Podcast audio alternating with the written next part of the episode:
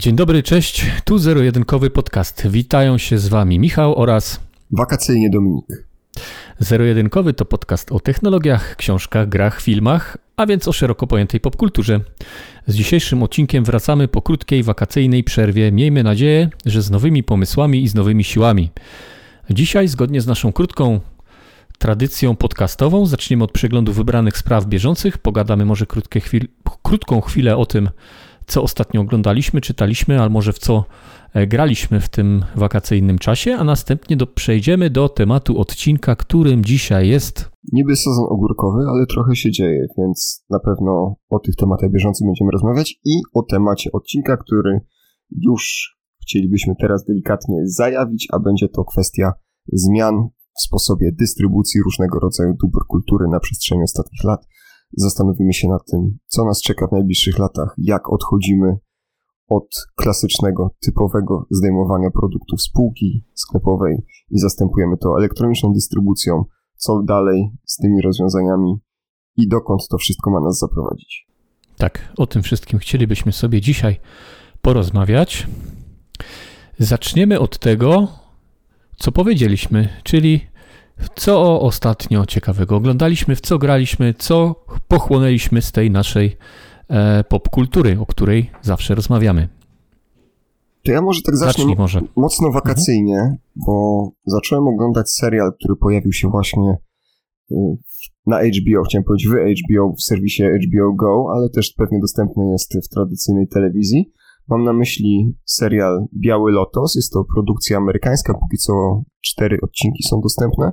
No i jest to historia grupy gości hotelowych w ekskluzywnym kurorcie na Hawajach, y, gdzie bogaci, biali ludzie mm, postanawiają wydać ciężko albo, mm, albo niekoniecznie ciężko zarobione pieniądze, relaksują się i oczywiście pojawia się tutaj masa y, różnego rodzaju zgrzytów, niesnasków i y, często też zabawnych sytuacji. Jest to taka z jednej strony rajska, wakacyjna opowieść o wypoczynku, a z drugiej taka satyra, żeby nie powiedzieć krytyka obecnych problemów y, toczących, nie tylko zresztą Stany Zjednoczone, ale, ale myślę cały ten rozwinięty świat. Mamy z jednej strony bardzo bogatych ludzi, czy przedstawicieli tej w najgorszym wypadku klasy średniej, ale pewnie klasy wyższej, a z drugiej ekipę hotelową, która także zmaga się ze swoimi problemami, mm, a jednocześnie stara się trzymać cały czas uśmiech na twarzy i pokazywać, że, e, że wszystko układa się dobrze i że najważniejsze jest dla nich dobro klientów, a podskórnie tak naprawdę pewnie większości z nich życzyliby szybkiego zamknięcia oczu raz na zawsze. Powiedziałeś no, no, jeszcze dokończ. Dla, klasycznie dla, dla tego rodzaju produkcji amerykańskiej pojawia się temat y, związany z rasizmem, z nierównościami społecznymi. Y, także, także tutaj nic, nic nadzwyczajnego nie ma. Wszystko jest przedstawione w bardzo zgrabnej, takiej delikatnie y, zahaczającej o humoreskę postaci. Myślę, że ciekawa rozrywka, niezobowiązująca, nie jest to nic wybitnego. Natomiast na te gorące, wakacyjne dni, klimat Honolulu, mm -hmm. Hawajów to jest coś, y, gdzie co warto, co warto zobaczyć. Bo właśnie jak zacząłeś mówić, że bogaci biali ludzie, to tak czułem, jak e, grunt pod nogami staje się coraz bardziej grząski, bo to jest właśnie taki temat, który w dzisiejszych czasach no, trzeba bardzo uważać już, już nie tylko na to, co się robi, E, ale, ale na to, co się mówi też oczywiście, ale już bardzo trzeba na to, co się mówi, uważać, bo, bo, bo no już naprawdę każde słowo może gdzieś tam e, jakiś wydźwięk mieć, no pejoratywny. Pewnie jesteśmy w stanie masę tego rodzaju przykładów przywołać, ale nawet w tym serialu, w odcinku bodaj trzecim, pada stwierdzenie matki, yy, takiej bardzo dobrze prosperującej bizneswoman, yy, działającej w branży nowych technologii, która przyjeżdża na wakacje z mężem i dwójką nastoletnich dzieci, stwierdza w pewnym momencie, że jej syn, czyli biały nastolatek, y, heteroseksualista y, z dobrego domu, bogatego domu, no jest obecnie przedstawicielem tej najbardziej uciskanej grupy społecznej. Więc no, gdzieś ten, ten środek ciężkości pewnie powoli się, mhm. powoli się zmienia, a na pewno tego rodzaju produkcje też starają się pokazać, że nie wszystko jest takie kolorowe, jak, jak mogłoby na pierwszy rzut oka wyglądać.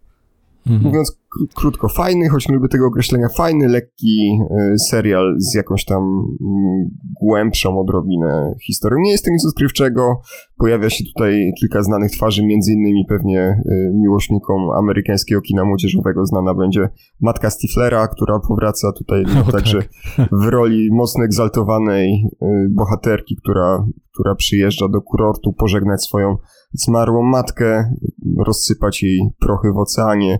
Y, pojawia się m.in. Aleksandra Daddario, kilka jeszcze y, znanych nazwisk, y, także mogę z czystym sumieniem polecić jako, jako pewnego rodzaju mhm. lekką odskocznię od poważniejszych zagadnień. A co u ciebie okay. na tapecie? Wiesz co, no takie, no takie typowo wakacyjne oglądanie, nic zobowiązującego, e, głównie Netflix, obejrzałem dotychczas e, dwa odcinki nowego Himena, chociaż e, tutaj stwierdzenie, że jest to Himen, to jest nad wyrost. Jeśli ktoś nie oglądał, to a obejrzy, to będzie wiedział, o czym mówię. Czyli Himen bez Himena. Himen bez Himena, no serial nawet tak go nazywamy, ale serial nie nazywa się przecież Himen, tylko Masters of the Universe. E, no i taki właśnie temat traktuje, choć e, zapowiedzi i, i wszystkie zwiastuny traktowały, że będzie to e, ten Himen jednak w centrum, w centrum uwagi, a tak po prostu nie jest, co też wywołało no, tych hardkorowych fanów takich serialu z lat 80. No, dość duże oburzenie, ale to wiesz co, wydaje mi się, że zawsze tak jest, że jak coś wraca po tylu latach i dzisiaj ci dorośli no, faceci i, i, i kobiety, mm, e, wraca coś, co oglądaliśmy w dzieciństwie i nie pasuje to gdzieś tam, nawet w jakimś małym stopniu naszemu e, e, temu odczuciu, które towarzyszyło nam w dzieciństwie w, przy oglądaniu tego, to po prostu te klawiatury są rozgrzane do czerwoności. Tak mi się wydaje, że potrafimy wylać no masę, masę, już nie tyle hejtu, co, co, co no naprawdę sporo krytyki. Ja jestem też po pierwszych pięciu odcinkach, czyli po tej pierwszej części premierowego sezonu. Tam jest tylko pięć odcinków, nie? Tak, to jest pięć odcinków. Mhm. Druga część ma pojawić się, zdaje się, jesienią. Pierwszy sezon jest rozbity na, na dwie części. I taki mam, takie mam spostrzeżenie, że tutaj na kanwie Gwiezdny Wojen nowych, czyli siódmego epizodu, jakby się nie rozwiązało tego problemu, to będzie niedobrze. Jeżeli, y, mhm. tak jak miało to miejsce w Przebudzeniu Mocy, zrobimy kalkę tego, co wszyscy znają, no to podniosą się głosy, że to znowu to samo odgrzewanie kotleta starego po raz y, wtóry, a jeżeli spróbujemy czegoś nowego, no to jak to, to jest po prostu herezja, tak nie wolno. Tak, i... deptanie świętości w ogóle. Tak, tak czy inaczej będzie źle. Mi się podobał ten y, serial, nie będę, nie będę ukrywał. Oczywiście już czy, widziałem też rozpalone do czerwoności twierdzenia, że to jest y, pochwała tych y, wszystkich skrajnie poprawnych politycznie y, ruchów, które inaczej, albo osób, które starają się być skrajnie poprawne politycznie, że wszyscy przedstawiciele rasy męskiej to nieudacz rasy męskiej. przedstawiciele przedstawiciele płci męskiej, tak, dumy męskie to, to w tym serialu nieudacznicy i generalnie gamonie, a tak naprawdę kobiety ciągną ten, tę historię i jak zwykle muszą ratować wszechświat. Ale Ogląda się... Adam, Adam zawsze był gamoniem, nawet w latach 80. Ale tutaj Adam, co ciekawe, wygląda inaczej, kiedy nie jest Himenem. Y, to znaczy nie jest taki spakowany, jest taki bardziej wymoczkowaty, aniżeli w oryginalnej mm. wersji lat 80. Mm, to prawda. No ale z trzeciej strony, czego spodziewamy się? Przecież ta bajka, tylko byliśmy... To jest kreskówka, ludzie. Tak, to jest kreskówka robiona na potrzeby promocji y, zestawów figurek od Hasbro, więc ona została zaprojektowana tak. jako coś, co miało sprzedawać merchandise i tak też, tak też jest, a ja jestem y, bardzo zadowolony mm, na kanwie mogę powiedzieć właściwie, że ta produkcja poprzednia studia, która odpowiada za Himena, po części przynajmniej, czyli ekipa, która dla Netflixa stworzyła e, Castlevania, film animowany, tutaj też e, sprawdza się całkiem dobrze, bo raz, że nieźle wygląda ta animacja, oczywiście zwiastun e, z muzyką Bonnie Tyler, I Need the Hero prezentował raczej odwieczny konflikt Szkieletora z Himenem, w samym serialu tego jest mniej, ale co, ale ja jestem ciekawy, jak to dalej się rozwinie. Tak, e, samo to studio, które właśnie tą animację stworzyło i poprzednią Castlevania, e, ma już chyba kontrakty na dwie kolejne animacje, co najmniej, tak już z tego, co udało mi się znaleźć. Netflix zapowiedział masę produkcji na podstawie gier komputerowych. Tak. Nie wiem, czy tak. na pewno Dragon Age ma się pojawić, ale tak. za co, za co no, ma pojawił się tak... też e, Resident Evil. Pojawiło? Resident Evil, dokładnie. Ja jestem wielkim miłośnikiem Residenta, o czym już mówiłem w kontekście premiery gry najnowszej z tej serii, to znaczy... A widziałeś tą animację? Ja jeden nie, odcinek nie, ogląda, nie oglądałem jej jeszcze. Okay. Też jestem dość, e, tak bym powiedział, ostrożny, jeżeli chodzi o te różnego rodzaju filmowe, czy to właśnie fabularne, czy animowane adaptacje Resident Evil. Bo one mhm. wypadały różnie z naciskiem na przeciętnie, a w zasadzie na słabo. Tak. Należałoby tak. powiedzieć, ale, ale pewnie zobaczę w końcu mm, też tego rezydenta od, od Netflixa. Ale skoro jesteśmy przy Netflixie, no to chciałem zwrócić uwagę na jeszcze jeden serial, też który właśnie się pojawił w lipcu. Tym razem wracamy do naszych polskich realiów. Mam na myśli drugi sezon serialu Royst, czyli produkcji pierwotnie zrobionej przez świętej pamięci Showmax, platformę pochodzącą z, mm, o ile pamięć z RPA, która zawitała do nas y, parę lat temu. 2000... A wszystko to zobaczycie na showmax.com. Tak, tak mówił Patryk Wega w reklamie. Dziś ostatnio rozmawiałem, był zdziwiony, że nie oglądam filmów Patryka Wegi. Takie pra prawdziwe, prawdziwe kino, przecież pokazuje, pokazuje prawdę o no, naszym nie polskim... Nie jem produktów czekoladopodobnych i nie oglądam produkcji filmopodobnych, no proste. I staram się nie nakręcać tego rodzaju mm, porno internetowego czy, hmm. czy filmowego. No bo nazwać tak, tego, tak. nazwać I tego z tym roystem? nie no, można. Co z tym? Od tego. Yy, dobra, od, przechodząc do meritum. Tak. Nie oglądałem wcześniej Roysta tego yy, od Showmaxa, ale zachęcony zapowiedziami związanymi z drugim sezonem, określonym jako, określanym jako Royst 97, bo gdyby ktoś miał wątpliwości, to na Filmwebie na przykład yy, ten serial jest niejako podzielony, to znaczy osobną kartę ma pierwszy sezon i osobną opisywany -hmm. po prostu jako Royst i Royst 97 jako kontynuacja, sezon drugi. Y, o ile pierwsza, pierwsza odsłona tej serii, czy ten pierwszy sezon rozgrywa się w pierwszej połowie lat 80., tak druga, jak wskazuje tytuł, przenosi nas y, w moje, no można powiedzieć, rodzinne strony, czy na zachód y, Polski, bliżej nieokreślone. Czyli taki drugi sezon, ale niby nie, tak jak Narcos. Narcos i Narcos później było e, Meksyk, nie? Czy, czy, czy taki, że niby to był kolejny sezon, ale jednak o, troszkę odrębna historia. No właśnie zaraz do tego dojdę, bo niby tak, ale nie. No właśnie. Przenosimy się do 97 roku. Ciekawie zahaczam tutaj o temat mm, powodzi tysiąclecia, czyli tego okresu. Te, kiedy Wrocław na przykład, pamiętam, był zalany, ja w Głogowie ze swoim tak. dziadkiem chodziłem y, nad Odrę, patrzyliśmy jak wygląda poziom wody w rzece, pamiętam, że wały były umackane i faktycznie tym wtedy Polska y, żyła.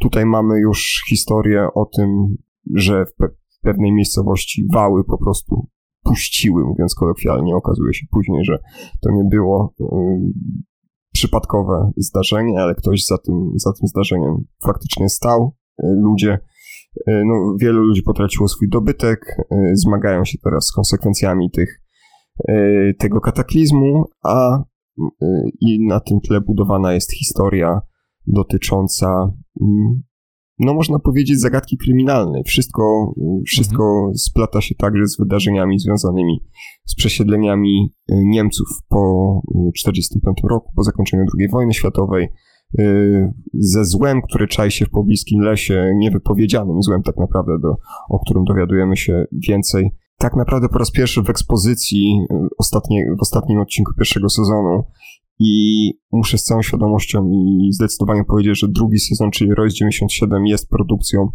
no zdecydowanie, zdecydowanie lepszą. To znaczy historia nie jest jakoś szczególnie skomplikowana, ale oglądać to dobrze, jest to też produkcja krótka, bo to zaledwie 6 odcinków, około 60-minutowych y, każdy.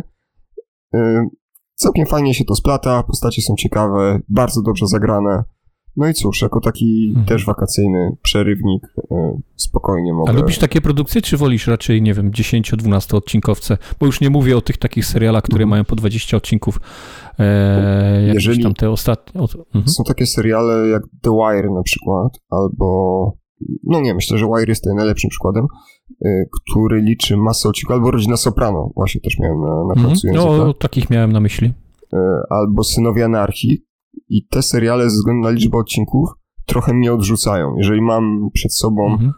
wizję oglądania, no pewnie blisko 50, może nawet czasem 100 odcinków, to jest troszkę y, odpychające, żeby nie powiedzieć utrudniające odbiór. Dlatego jeżeli to jest taka esencja na 6-8 odcinków mamy do czynienia z dwoma sezonami, może trzema, to tak, jakoś łatwiej mi jest y, w ten mhm. temat y, wejść faktycznie.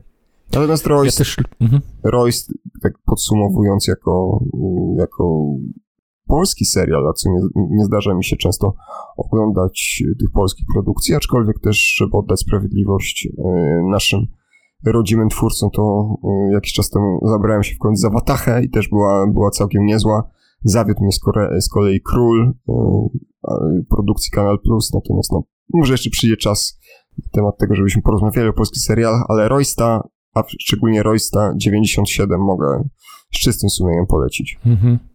Ja też lubię takie krótsze, e, znaczy lubię, no jeżeli ma 10-12 odcinków serial, to też obejrzę, ale nie mam nic przeciwko takim sześcioodcinkowcom. E, pod warunkiem, wiesz co, pod jednym warunkiem, pod warunkiem takim, że nie muszę czekać na drugi sezon potem kolejne dwa lata, bo to mnie jakoś tak e, potem, potem no, denerwuje, odrzuca.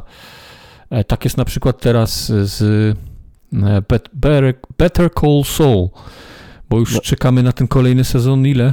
To jest no serial, to jest serial, za który się zabierałem. Ja paradoksalnie mało oglądam seriali prawniczych, E, Breaking Bad to, to ścisła czołówka moich ulubionych seriali, natomiast y, właśnie za Better Call Saul zabieram się od paru lat i chyba finalnie skończy się na tym, że poczekam na zakończenie całej serii, zanim mm. zacznę oglądać, ale też tak jak mówisz, ten, ten serial ma już jakiś y, y, jakieś opóźnienie, zdaje się w ogóle. No męczył mnie bardzo. Tam coś, ten główny aktor Bob Odenkirk miał jakieś problemy zdrowotne teraz ostatnio i i coś za nie mógł właśnie na planie, ale podobno już jest wszystko ok i, e, i wszystko rusza ponownie.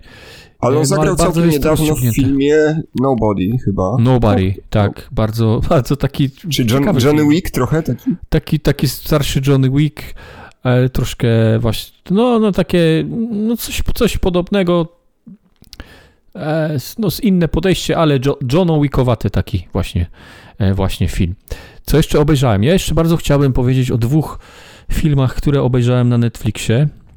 Filmach, y, które w, w założeniu miały być takimi filmami ze sztukami walki w tle, bo to są nowe produkcje, e, nowa produkcja od Netflixa polska, czyli film Bartkowiak i nowa produkcja z Jean-Claude'em Van Damme, który gdzieś tam związał się również z Netflixem. Słodki I oba te filmy... Nie kojarzysz? Nie, znaczy, kojarzę, kojarzę tytuł, ale mówię mhm. słodki, słodki Jeżu, bo A, no, nie spodziewam, nie spodziewam się tytuł. niczego dobrego po tym filmie, niestety. Ja, ja, wiesz, ja nie miałem wielkich jakichś nadziei, ale myślałem, że to będzie takie, e, zarówno jeden film, jak i drugi będzie to gdzieś tam jakieś takie mm, e, może przyjemne kino chciałem powiedzieć, no takie wiesz, takie rozrywkowe, żeby coś zjeść, coś obejrzeć i, i, i, fajnie i za chwilę zapomnieć. Natomiast te filmy nie dają sobie zapomnieć, bo one były tak potwornie słabe. Film Bartkowiak jest po prostu paradoksalnie tam gra e, fajni aktorzy grają polscy, duże nazwiska, ale to jest tak słaby film, że po prostu nie da się o tym filmie powiedzieć dobrego słowa. Począwszy od gry aktorskiej po scenariusz, który jest po prostu jak odbity z, z od jakiejś sztampy i, i wrzucony i jakby to wszystko się działo w latach 90. No coś, coś koszmarnego. Natomiast, ale obejrzałem go do końca. Natomiast film z Jean-Claude'em Van Damme to ja nie wiem, czy to jest komedia, czy to jest jakaś taka e, komedia sensacyjna, czy to miał być thriller, czy to. Nie wiem, co to miało być w ogóle, co to jest za gatunek. I to jest film, jeden z nielicznych naprawdę w moim życiu, który wyłączyłem w trakcie. Nie obejrzałem chyba nawet do połowy, bo to jest koszmarny film, koszmarny. Nawet go nie włączajcie, niech nazwisko e, JCVD was nie zmyli, to jest po prostu koszmar, a nie film. Netflix po prostu mm, idzie na ilość. Netflix takie... na sierpień zapowiedział 70 kilka premier. Tak, tak, już kiedyś zapowiedzieli, że co tydzień będzie nowy film i tak dalej. E, cieszyłem się z tego, natomiast e, nie wiesz, wiesz, fajnych filmów, e, jeżeli chodzi o Netflix, to można chyba na palcach jednej ręki policzyć. Seriale jeszcze się znajdą. To byłoby tego dość sporo, jeżeli mielibyśmy wymieniać seriale, które no, były ciekawe od Netflixa, natomiast filmy Netflix no, jakoś nie ma szczęścia do tego. Do filmów. Wiesz co? I coś jeszcze chciałem e, nadmienić, bo wspominałeś o Showmaxie, który był i się zmył z Polski, a dziś, bo ma, nagrywamy ten odcinek 3 sierpnia, do Polski wchodzi Viaplay. E, nie chciałbym wyjść na osobę, która ostatnie miesiące czy nawet lata spędziła gdzieś pod kamieniem, ale ja wcześniej w ogóle nie słyszałem o takiej usłudze. Słyszałeś o Viaplayu w ogóle? Powiem ci, włączyłem dzisiaj telewizor i zaświeciła mi się informacja o tym, że mogę ściągnąć nową aplikację Smart TV. I to był mój pierwszy kontakt, y, kontakt z tą platformą. Drugi to taki, że na Facebooku wyświetliła mi się reklama. No, a ja przeczytałem właśnie, że dzisiaj... Ale zdaje się, że mają licencję na mecze Ligi Mistrzów tak, i Ligi Europy. Tak, to i to jest... gdzieś tam mi przemknęło na, na Twitterze, bo chyba Mateusz Borek tam się z nimi związał i gdzieś tam będzie komentował jakieś dla nich spotkania, ale to tylko, tylko to mnie zainteresowało, znaczy zainteresowało e, to mi się obiło o uszy i o oczy ten, ten Viaplay i myślałem, że to jest w ogóle jakaś platforma taka jak, jak Eleven Sports, że gdzieś tam będą tylko, tylko mecze, a dzisiaj dowiedziałem się, że nawet filmy i seriale. I wszedłem sobie na, e, na ich stronę. No i są tam jakieś filmy i seriale. No, generalnie tak, taka, um, takie propozycje, jak znaleźć można wszędzie, naprawdę na, na, na każdej, na playerze, na Netflixie, no wszędzie są praktycznie te same tytuły. No John Wiki, Equalizer z, z Denzelem Washingtonem, no to takie pierwsze, które mi się tam rzuciły w oczy. Czyli oferta taka jak, jak wszędzie.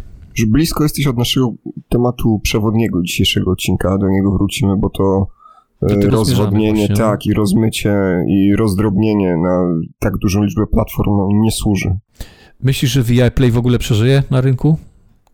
Te mecze mogą to uratować. To, to tak, jeżeli tyle. tam jest Liga Mistrzów, to może faktycznie, mhm. bo ja przyznam szczerze, że właśnie w ubiegłym roku postanowiłem wykupić e, Polsat Sport Premium tylko po to, żeby mieć dostęp do oferty sportowej, właśnie oferty Ligi mhm. Mistrzów. Jeżeli byłaby alternatywa, nad czym przez lata ubolewałem, że UEFA nie potrafi postawić swojej platformy, e, z czym NBA na przykład świetnie sobie poradziło. Do obsługi meczów na bieżąco i możliwości oglądania za jakąś opłatą. Pamiętam parę lat temu chyba Onet we współpracy z jednym z producentów piw, teraz nie, nie pamiętam, czy Heineken czy Carlsbergiem miał, miał promocję, która e, właśnie umożliwiała nawet za, mm, na podstawie kodów spod kapsla oglądanie pojedynczych spotkań Ligi Mistrzów na żywo, no i jakoś też gdzieś to E, się rozmyło. Liczę na to, że taka oferta, tylko też pytanie, bo, bo, bo, bo e, nie wiem jak wygląda kwestia abonamentu na te właśnie mecze Ligi Mistrzów w nowej platformie, o której właśnie powiedziałeś, czy to będzie niejako mieściło się w tym podstawowym abonamencie wycenianym na 30 e, mhm. kilka złotych, czy też niezbędny będzie dodatkowy zakup, coś jak pay-per-view. Mhm, no, mhm. Czas pokaże. E, no tak, no, ale oferta, tak jak mówię, nie, jakoś mnie nie, nie, nie zachęciła, ale też, y, co ciekawe, Viaplay ma też swoje oryginalne produkcje No właśnie miałem się o to zapytać, widziałem. czy mają jakieś swoje produkcje? Mają, mają jakieś swoje produkcje serialowe i nigdy też o tych serialach nie słyszałem. No tak jak mówię, być może ktoś uzna, że, że ostatnie miesiące albo nawet lata, bo nie wiem ile ta platforma już jest na rynku, spędziłem pod kamieniem, ale nie znam, nie słyszałem, zarobiony jestem. Za dużo tego jest. HBO, jest tego za dużo. Disney, tak. Amazon, no Netflix oczywiście. I każdy wypluwa hurtowe liczby swoich produkcji. Apple przecież też ma swoją tak, platformę. treści, które, które musimy albo chcemy konsumować, naprawdę jest tego tak dużo, że no chyba jako, jako konsumenci tego wszystkiego już, już nie wyrabiamy. Dlatego ja zgadzam się generalnie z twierdzeniami, że konkurencją dla Sony i PlayStation nie jest obecnie tylko Xbox, Microsoft i konsole, bo tak długo jak choćby zostając przy tym przykładzie, y, gracze dzielą swój czas -hmm. pomiędzy różnymi platformami do grania, no to pół biedy. Natomiast y, tak naprawdę to już nie jest tylko walka o zasobne portfele, o zawartość portfeli, ale o czas, dość prozaiczny, tak. bo nie jesteś w tym tak, samym dokładnie y, tak. czasie w stanie oglądać Bo gracz dzisiaj już nie jest tylko graczem, że tylko będziemy siedzieć na Game Passie i grać. Ktoś czasem chce obejrzeć tacy, tacy gracze przynajmniej. Oczywiście są hardkorowi gracze, ja wiem, którzy siedzą i niczego innego nie robią, tylko grają, ale mówię o takich ludziach jak my, którzy są e, jeszcze nie starzy. Ale już nie młodzi. Inaczej, ale już, już nie bardzo młodzi. Nie najmłodsi. Tak, chwilę. Nie najmłodsi. I gdzieś czasem chcesz coś zagrać, chcesz coś w coś zagrać, e, czasem chcesz e, coś przeczytać dobrego, czasem coś, jakiś serial obejrzeć, czasem jakiś film. I to właśnie jest e, staranie się tych wszystkich platform o, o nasz czas. O nasze pieniądze przede wszystkim, ale i o nasz czas właśnie również. Bardzo dobrze, że zahaczyłeś o temat Game Passa i czasu, który poświęcamy na rozrywkę, bo chciałem przejść e, tak na szybko do gier, które ostatnio miałem okazję, które miałem okazję sprawdzić. I w pierwszej kolejności mam tutaj na myśli produkcję jeszcze dostępną aktualnie na Steamie w ramach wczesnego dostępu, ale także na Game Passie. To znaczy mówię o tak zwanym boomer shooterze, czyli mm, takiej mhm. pierwszoosobowej strzelance grze akcji wzorowanej na tym, co my pamiętamy z lat 90 klasycznym przedstawicielem tego subgatunku, w zasadzie można powiedzieć, będzie pewnie Ion Fury. Natomiast ja przed oczami mam teraz y, nową produkcję z tego, y, tego typu, to znaczy Prodeus. Gra wygląda świetnie, to jest taka, y, taki z jednej strony pixel art, z drugiej dopakowany masą nowoczesnych efektów, w konsekwencji czego wygląda to naprawdę mocno efekciarsko, do tego dynamika y, przypomina najnowsze odsłony Duma, czyli, czyli tego Duma z 2015 16, 16 mm. roku oraz Doom Eternal. Tak, y, jest to wprawdzie jeszcze wczesny dostęp, sporo się może zmienić, też nie cała gra jest dostępna, natomiast y, ta produkcja naprawdę wygląda i sprawdza się rewelacyjnie. Ten, to, to zabrzmi może strasznie, ale jest tak mięśnie, mię, mięśnie bardzo Mięsiste. Mięsista, mięsisty ten gameplay, mm -hmm. samo, samo strzelanie yy, sprawia niesamowitą frajdę. Yy, ja grałem na... Miodna, jakby kiedyś w Miodna, tak, można powiedzieć, że poziom, poziom miodu jest, jest naprawdę, naprawdę yy, wysoki. W tej beczce miodu można pewnie znaleźć łyżkę dziegciu w postaci tego, że to jest nadal wczesny dostęp, natomiast jest to projekt, yy, no, któremu warto poświęcić chwilę, zainteresować się być może i ja przyznam szczerze, całości nie przeszedłem świadomie w pełni, mając na względzie, że jeszcze będzie szlifowana ta, ta produkcja. Nasyciłem się odrobinę, odkładam ją na półkę, będę o niej pamiętał i na pewno wrócę, kiedy zostanie wydana wersja 1.0. Mhm. A ty miałeś okazję w coś no, zagrać? No właśnie chciałem powiedzieć, że o grach to ja raczej nic nie powiem, bo w ostatnim czasie jedyne w co grałem to było Uno, na, na, na komórce i na Switchu, więc jeżeli ktoś chce ze mną zagrać, to zapraszam na, na, na, e, na Androidzie Uno GeekWeb. No, zapraszam na partyjkę. Ja natomiast chciałem jeszcze poruszyć temat, zanim przejdziemy do głównego. E, chciałem troszkę o prawie z Tobą porozmawiać e, i chciałem Cię zapytać, co sądzisz o ostatnich mm, pozwach, bo Scarlett Johansson już taki pozew złożyła, a Emily Blunt i John Krasiński między innymi e, zapowiadają, że być może z takim e, pozwem do sądu się e, zwrócą. Mogę tak powiedzieć, że zwrócą się mhm. z pozwem? Znaczy, wiesz co, ja, ja, zawsze mnie bawi, kiedy ktoś mówi, że wniesie pozew do sądu, bo nie widzę innej możliwości wniesienia pozwu do innego organu, ale, ale spoko, dobra. Zostańmy Tak się tym. mówi, taka potoczna. Uh-huh. A głównym e, oponentem tych wszystkich e, aktorów jest Disney. Dlaczego? Troszkę o tym e, powiesz? Kilka zdań? No bo zdaniem tych aktorów w pierwszej kolejności Scarlett Johansson, pozdrawiamy, wiemy, że nas słucha, pierwszej kolejności y, pojawił mhm. się problem taki, że myszka Miki zdecydowała, że nie będzie dłużej czekać i przecierać kurzu z y, czarnej wdowy, jakkolwiek by to nie brzmiało, i postanowiła wrzucić swój film nie tylko do dystrybucji kinowej, ale także do swojej platformy Disney+. Stajmy już tym Disney, bo tak się zastanawiałem kiedy że będziemy mówić o, o Scarlett Johansson, tudzież Scarlett Johansson.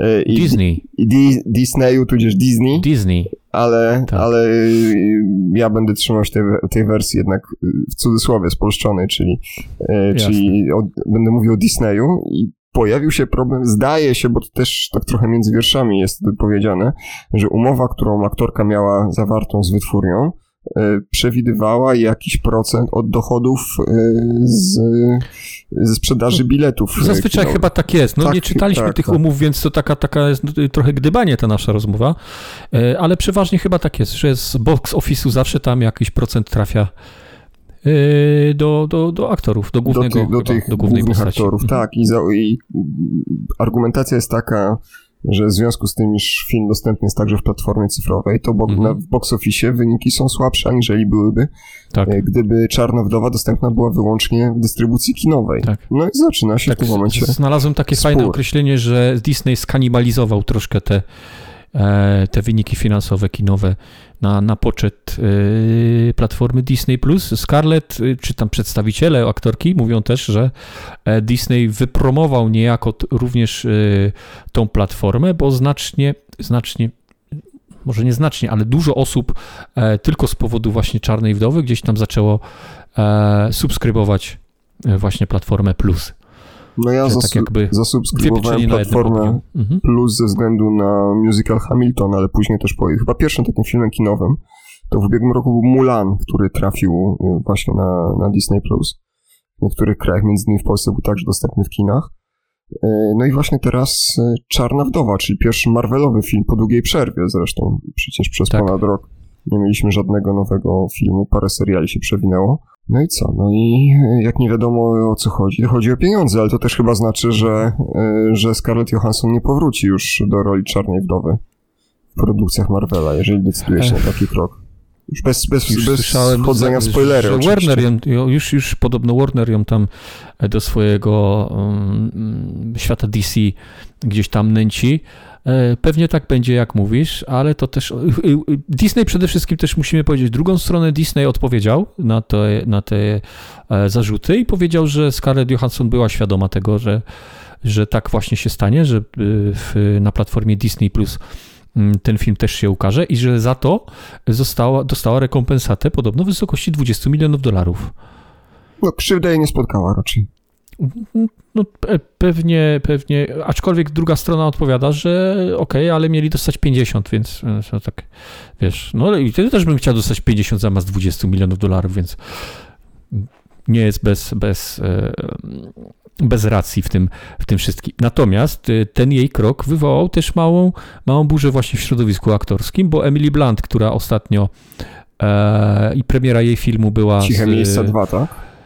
To Ciche Miejsce 2 to z Johnem Krasińskim, który też e, ma tam jakieś e, właśnie obiekcje w stosunku e, co do tej premiery internetowej tego filmu, ale Emily Blunt też Podróż do dżungli bodajże jest taki film, Ach, gdzie tak, partneruje jej Dwayne Rockiem, Johnson. Dokładnie. Tak, Dwayne Johnson i ten film też pojawił się momentalnie w, w streamingu i też podobno mm, właśnie miała finansowo finansowo na tym, na tym stracić.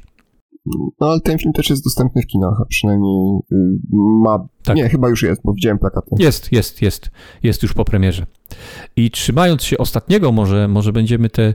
E, skrócimy trochę. Mieliśmy więcej tych tych bieżących wydarzeń, ale czas tak bardzo płynie szybko, że, że skrócimy to sobie. Ja chciałem Cię jeszcze zapytać, e, co sądzisz o pozwie tłumacza Wiedźmina Chodzi o tłumacza, który tłumaczył z języka polskiego na angielski.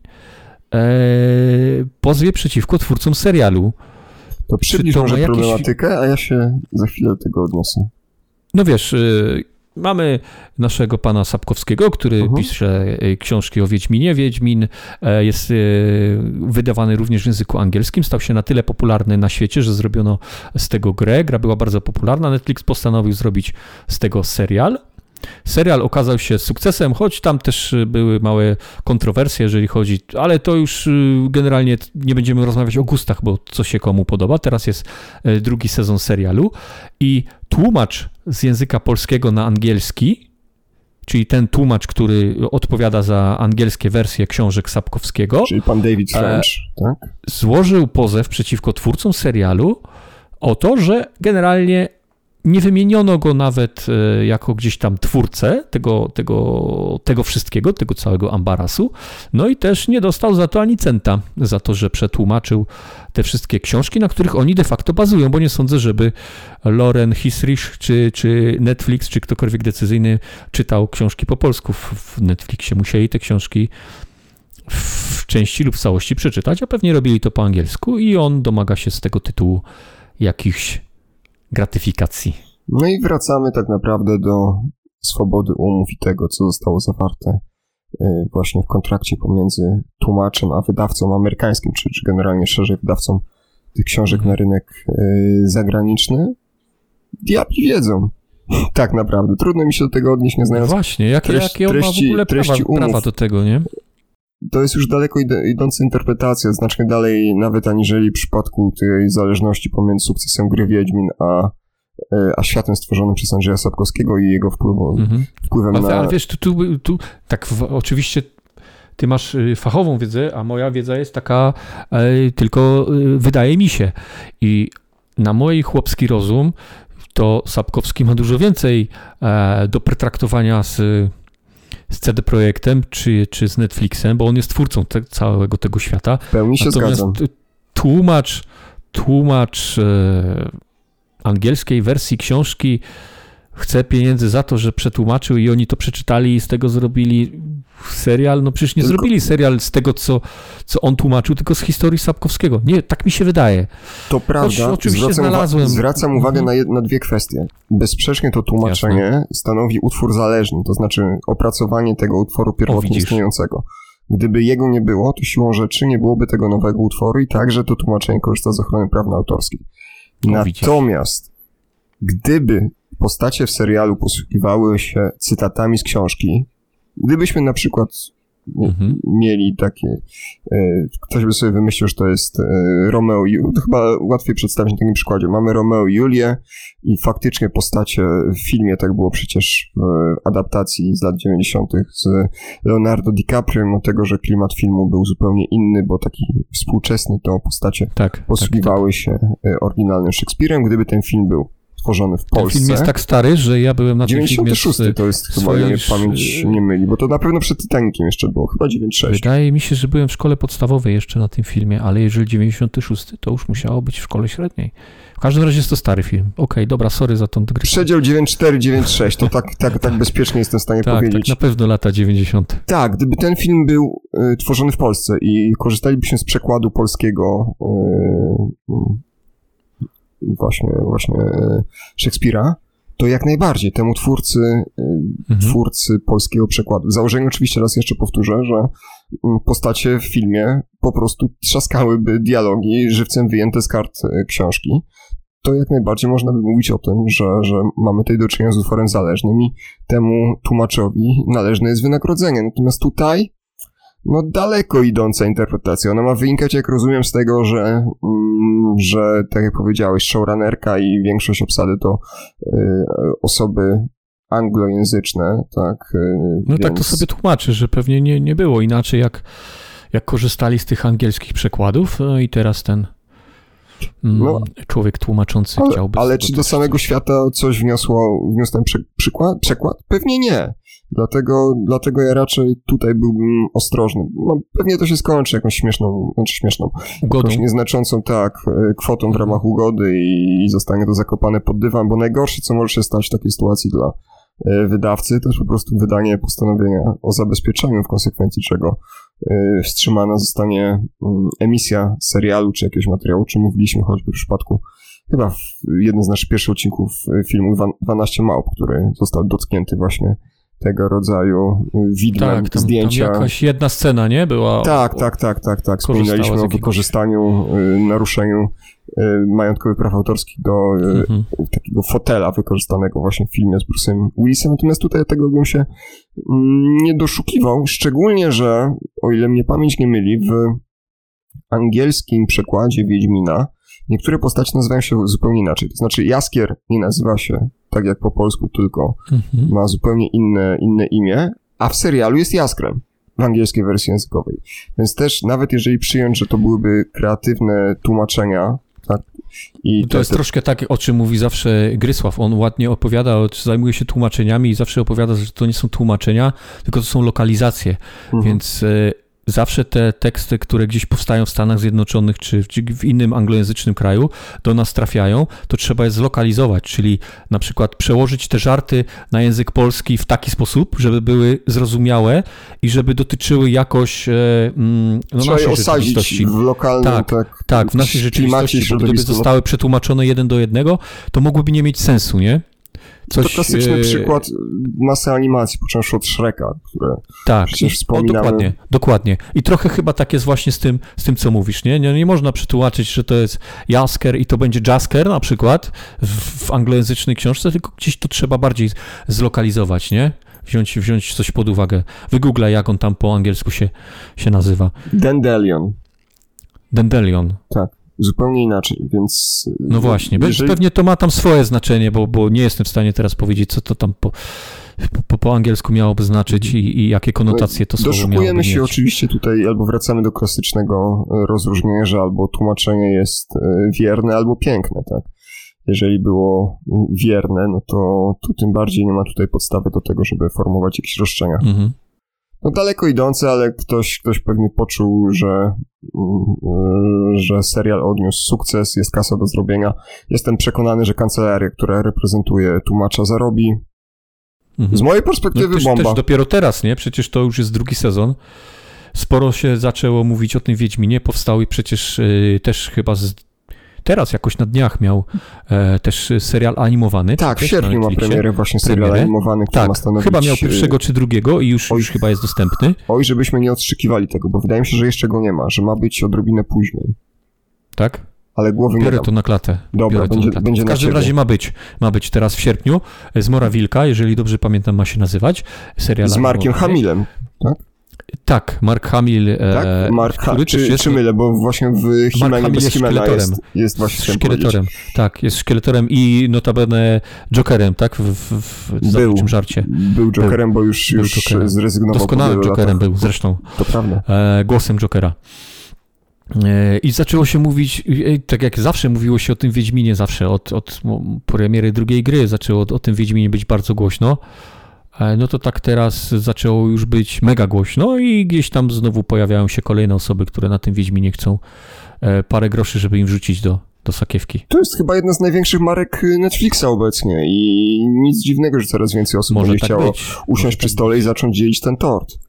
No ale skoro, skoro rozmawiamy o takich adaptacjach klasyki literatury fantazy, to ja mm, nie mogę nie powiedzieć dwóch słów na temat nadchodzącego wielkimi krokami y, serialu produkcji Amazona y, Jasne. w świecie wykreowanym przez Tolkiena, tudzież Tolkiena, y, to znaczy Władcy Pierścieni. Zakończyły się właśnie zdjęcia do pierwszego sezonu serialu na początku września 2022 roku serial ma trafić do plat na platformę. Jest to najdroższa hmm. produkcja telewizyjna w historii. Tak, to chciałem powiedzieć, że ja tylko wiem, że tam jakieś mega pieniądze są, nic więcej o tej Chyba pękła, chyba pękła duża bańka finalnie, chociaż... Czy tam Peter włącznie... Jackson coś ma wspólnego z tą Nie, nie, z tego, co, z, tego, co, z tego co wiem, nie. Na, na samą mhm. produkcję chyba przeznaczono niespełna pół miliarda e, dolarów e, i do tego chyba drugie tyle na, mm, na marketing a produkcja jest zaplanowana, pierwszy sezon w zasadzie, na 20 odcinków, więc no będzie się działo. Tylko to jest nie tylko Władca Pierścieni, ale tylko właśnie zatrzymałem się, czy nie tylko, czy głównie w zasadzie y, historia znana z Silmarillionu. Z czego, przepraszam? Silmarillion na pierwszym planie będzie. Okej, okay, okej, okay, nie dosłyszałem. Jasne. Słyszałem o tym, stosunek mam taki raczej obojętnych. Na Władcy Pierścieni, na pierwszej trylogii byłem w kinach i bardzo mi się podobało, ale przyznam się szczerze i bez e, bicia pasem, że ja Władcy Pierścieni nigdy książkowego nie czytałem. Filmy mi się bardzo podobały. E, nie jestem wielkim fanem fantazy, ale to mi się podobało bardzo. Natomiast już Hobbity e, to już nie była moja bajka. To już tak podeszłem, podszedłem do tego średnio. Władca jest trudny do czytania, jest pełen opisów, bardzo grube mm. książki są poza wszystkim, ale ja zabierałem się po raz pierwszy w liceum do Władcy Pierścieni, jeszcze y, drużne pierścienia, czy drużne pierścienia, czyli podzielone po prostu, bo, y, bo Tolkien nie pisał y, trylogii, tak, ta książka ze względu wydawniczych mm. została podzielona na, na trzy części. Mm. Właśnie zabierałem się za nią jeszcze przed premierą adaptacji Petera Jacksona. No i co? No i, no i finalnie nigdy nie skończyłem też y, sagi książkowej. Ale Hobbita polecam jako taką lekką historię dla, dla młodszych y, czytelników, bo z kolei filmowa mhm. trylogia no jakoś też nieszczególnie mi podeszła. No, dość powiedzieć, że o ile do Władcy Pierścieni filmowego co jakiś czas wracam, nawet kilka lat temu miałem okazję uczestniczyć w maratonie, maratonie. filmowym, tak, rozszerzonych edycji. Całą noc siedzieliśmy w kinie parę razy zasypiałem, byłem wybudzany y, w trakcie i spra sprawdza, sprawdzałem. Bataliami. Tak, ale już tyle razy widziałem ten, każdy z tych filmów, że w środku nocy, jak wtedy Jasne. obudzony byłem w stanie powiedzieć, co się dzieje. Natomiast y, no, potem... To jest fajne widowisko. Wydaje mi się, że Władca Pierścieni e, też troszkę kino zmienił i już nigdy kino po, po Władcy Pierścieni nie było takie samo, że to e, bardzo wpłynęło na, na, na rozwój te, tych no nie wiem w zasadzie czego, tych scen batalistycznych, tych wszystkich efektów specjalnych, tego rozmachu, tego przepychu w filmach, Ale tych zauważ, budżetów. zauważ, że nie było wielu produkcji fantazy tej skali od czasu Władcy Nie było, to prawda. Warcraft próbował, ale wyszedł mocno plastikowo, zupełnie Nie, to, zupełnie to fatalnie, fatalnie.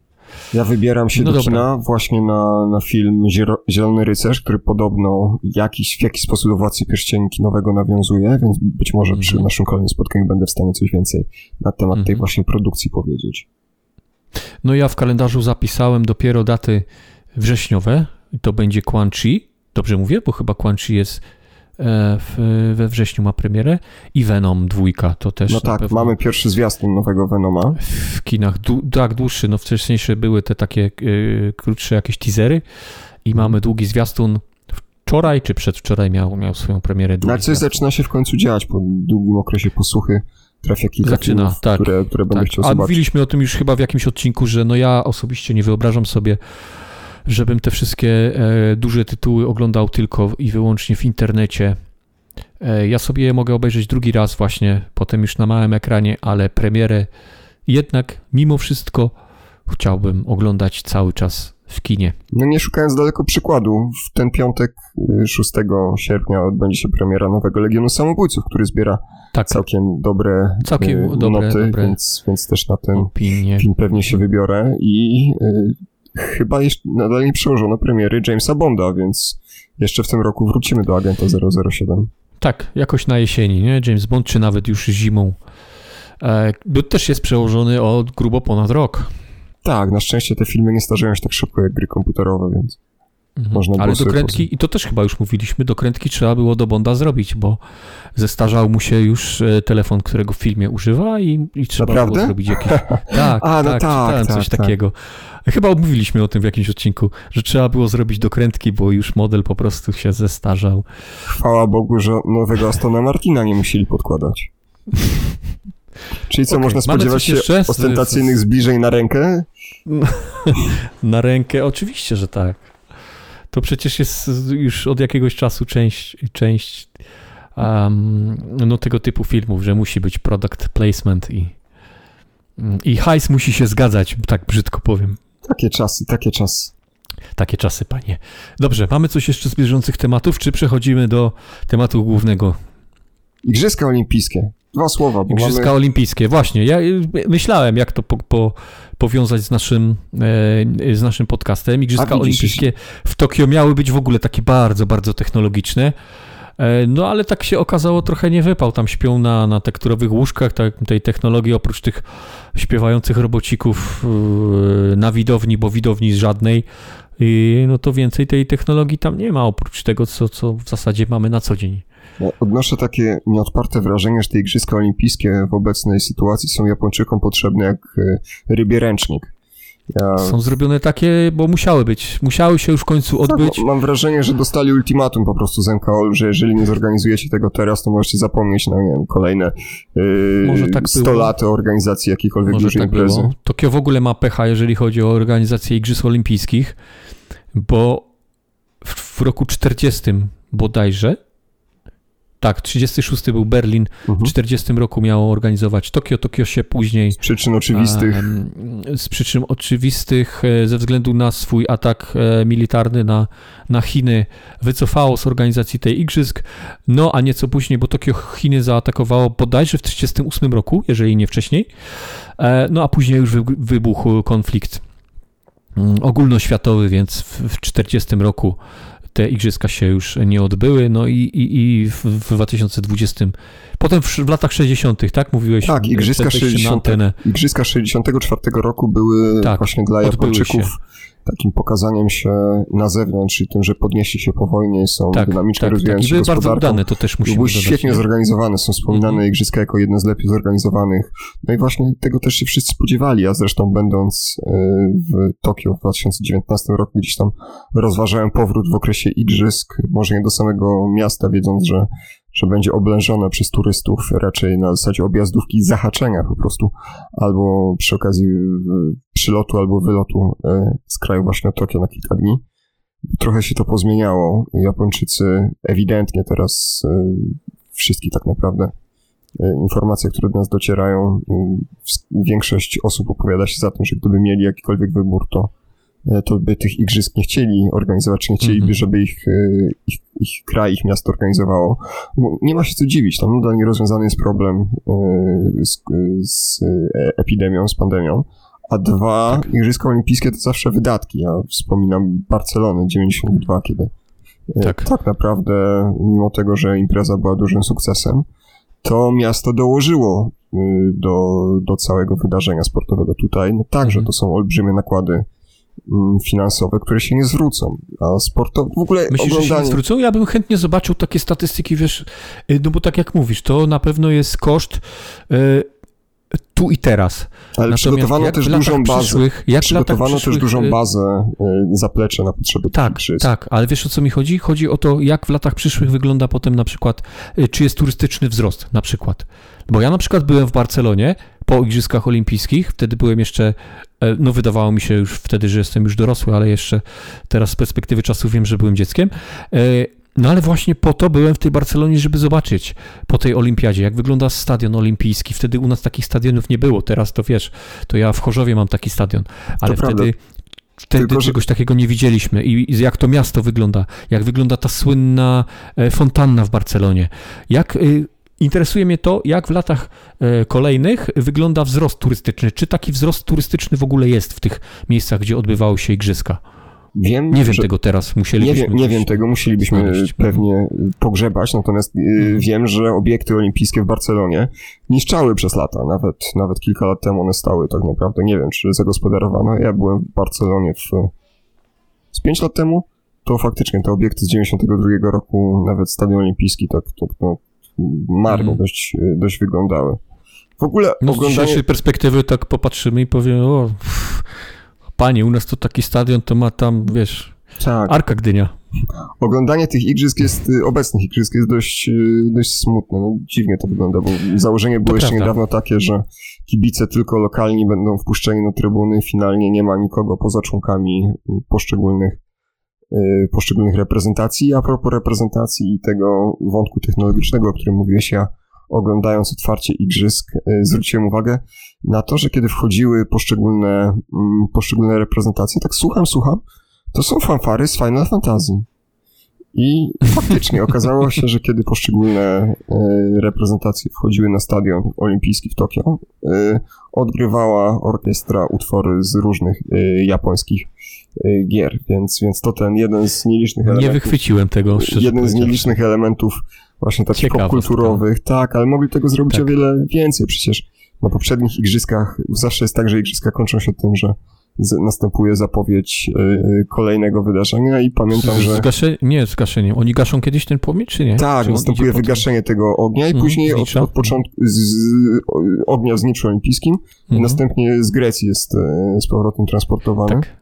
Tak. E, natomiast, natomiast e, przy okazji ostatnich igrzysk w Rio, to właśnie bardzo ciekawe zrobione. To był bodaj premier Japonii, który wyskoczył w czapce Mario e, z takiej, takiej rury jak hydraulik, żeby, żeby zaprezentować światu kolejne igrzyska. Zrobiono właśnie taki film nawiązujący do mangi, mhm. anime, popkultury japońskiej. No trochę to jest nieobecne. I nie poszli w ten, w ten wątek jakoś tak za bardzo, nie? Oprócz tych tej, tej melodii, którą no, pewnie nikt nie wychwycił, oprócz tam jakichś takich totalnych geeków, bo ja zupełnie tego nie wychwyciłem, ale też nie oglądałem jakoś specjalnie, specjalnie mocno tego otwarcia, więc może dlatego. Świetnym elementem, który na pewno zapamiętam z otwarcia, były piktogramy. Nie wiem, czy miałeś okazję zobaczyć, bo każda dyscyplina sportu ma taki swój symbol i wykorzystano, to polecam wszystkim do zobaczenia, pewnie na YouTubie jest piktogramy Igrzyska Olimpijskie 2000 20 e, przebrany w taki specyficzny strój człowiek przedstawiał różne symbole, ikony poszczególnych, poszczególnych dyscyplin sportu. Strasznie ciekawie i tak, tak zabawnie to wyglądało, więc to jeden z takich elementów. Mhm. godny zapamiętania. Samo otwarcie też jakiegoś wielkiego na mnie wrażenia nie zrobiło. Chyba z tych ostatnich to um, igrzyska w Londynie w 2000 16, 12, 12 roku y, faktycznie były, były czymś takim bardziej efektownym i, i czymś, co -hmm. będę pamiętał mm -hmm. dłużej. No ale, ale dzieje się, no w końcu, w końcu zaczęliśmy jakieś medale zdobywać. Dzisiaj niestety siatkarze w ćwierćfinale. No tak, nagrywamy to tuż po tym, tuż jak po nasi meczu, siatkarze niestety odpadli z, z Francją, a dobrze się zaczęło i myślałem, że po prostu przejedziemy się po tych Francuzach tak do 20, do 21 w każdym secie, a niestety Pokazuje, jak słaba była też nasza grupa, bo w ćwierćfinałach cztery drużyny z naszej grupy grały, cztery z drugiej, no i z naszej żadna drużyna nie awansowała do, do tak. półfinału, do najlepszej czwórki. Tak, byliśmy ostatnim zespołem z naszej grupy. No szkoda, szkoda, bardzo szkoda, bo to był jeden z takich żelaznych faworytów. Na szczęście kolejne igrzyska już za trzy lata, oczywiście letnie, bo, bo zimowe to już za, no niewiele ponad, dobrze liczę? Za pół roku? No w tak, lutym, tak, tak, tak. Śmiesznie wyszło. W drugim roku, tak. Co? Temat główny. Temat Dużo główny. sobie rozmawiamy o tych...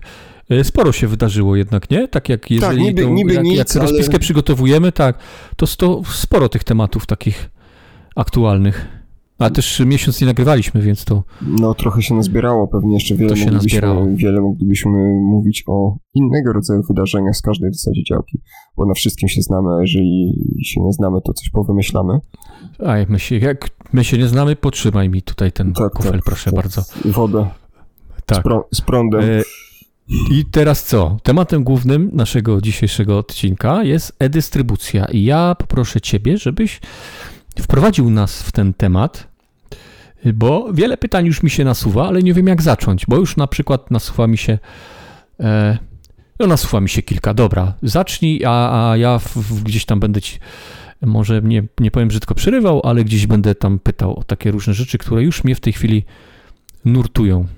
Jak to się stało, że zaczynamy e, kupować rzeczy cyfrowo, a nie idziemy już jeszcze troszkę chodzimy, ale już nie tak, e, nie tak mocno jak kiedyś, jak jeszcze kilka lat temu e, i nie ściągamy spółek tych gier, filmów i tego wszystkiego, co, co mm, na jakichś tam nośnikach przynosiliśmy do domu, tylko po prostu wchodzimy, otwieramy portfel, wpisujemy dane karty i gdzieś to mamy. I czy to, co kupujemy, to takie też jest wyświechtane trochę, bo to już yy, nieraz się o tym mówiło, czy w podcastach, czy pisało artykuły na ten temat.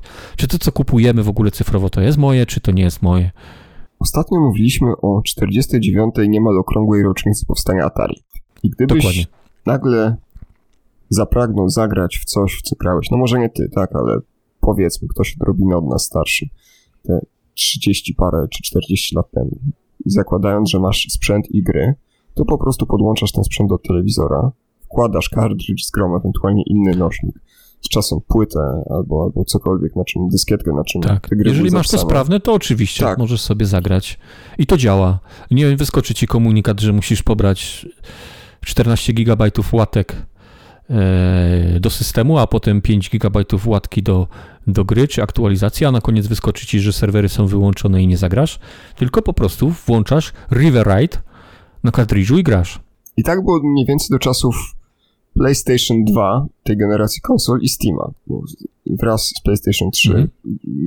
tak naprawdę zaczęła się w kontekście konsol oczywiście, bo tak mówię, Steam gdzieś zapoczątkował tu wcześniej. Powolna... W którym roku Steam wszedł? Oj, tu zaskoczyłeś mnie. Steama, o, wejście Steama kojarzę mocno z premierą Half-Life'a 2, a premiera Half-Life'a 2 to będzie... No, podpowiedz? O, panie, nie wiem, 98, 9?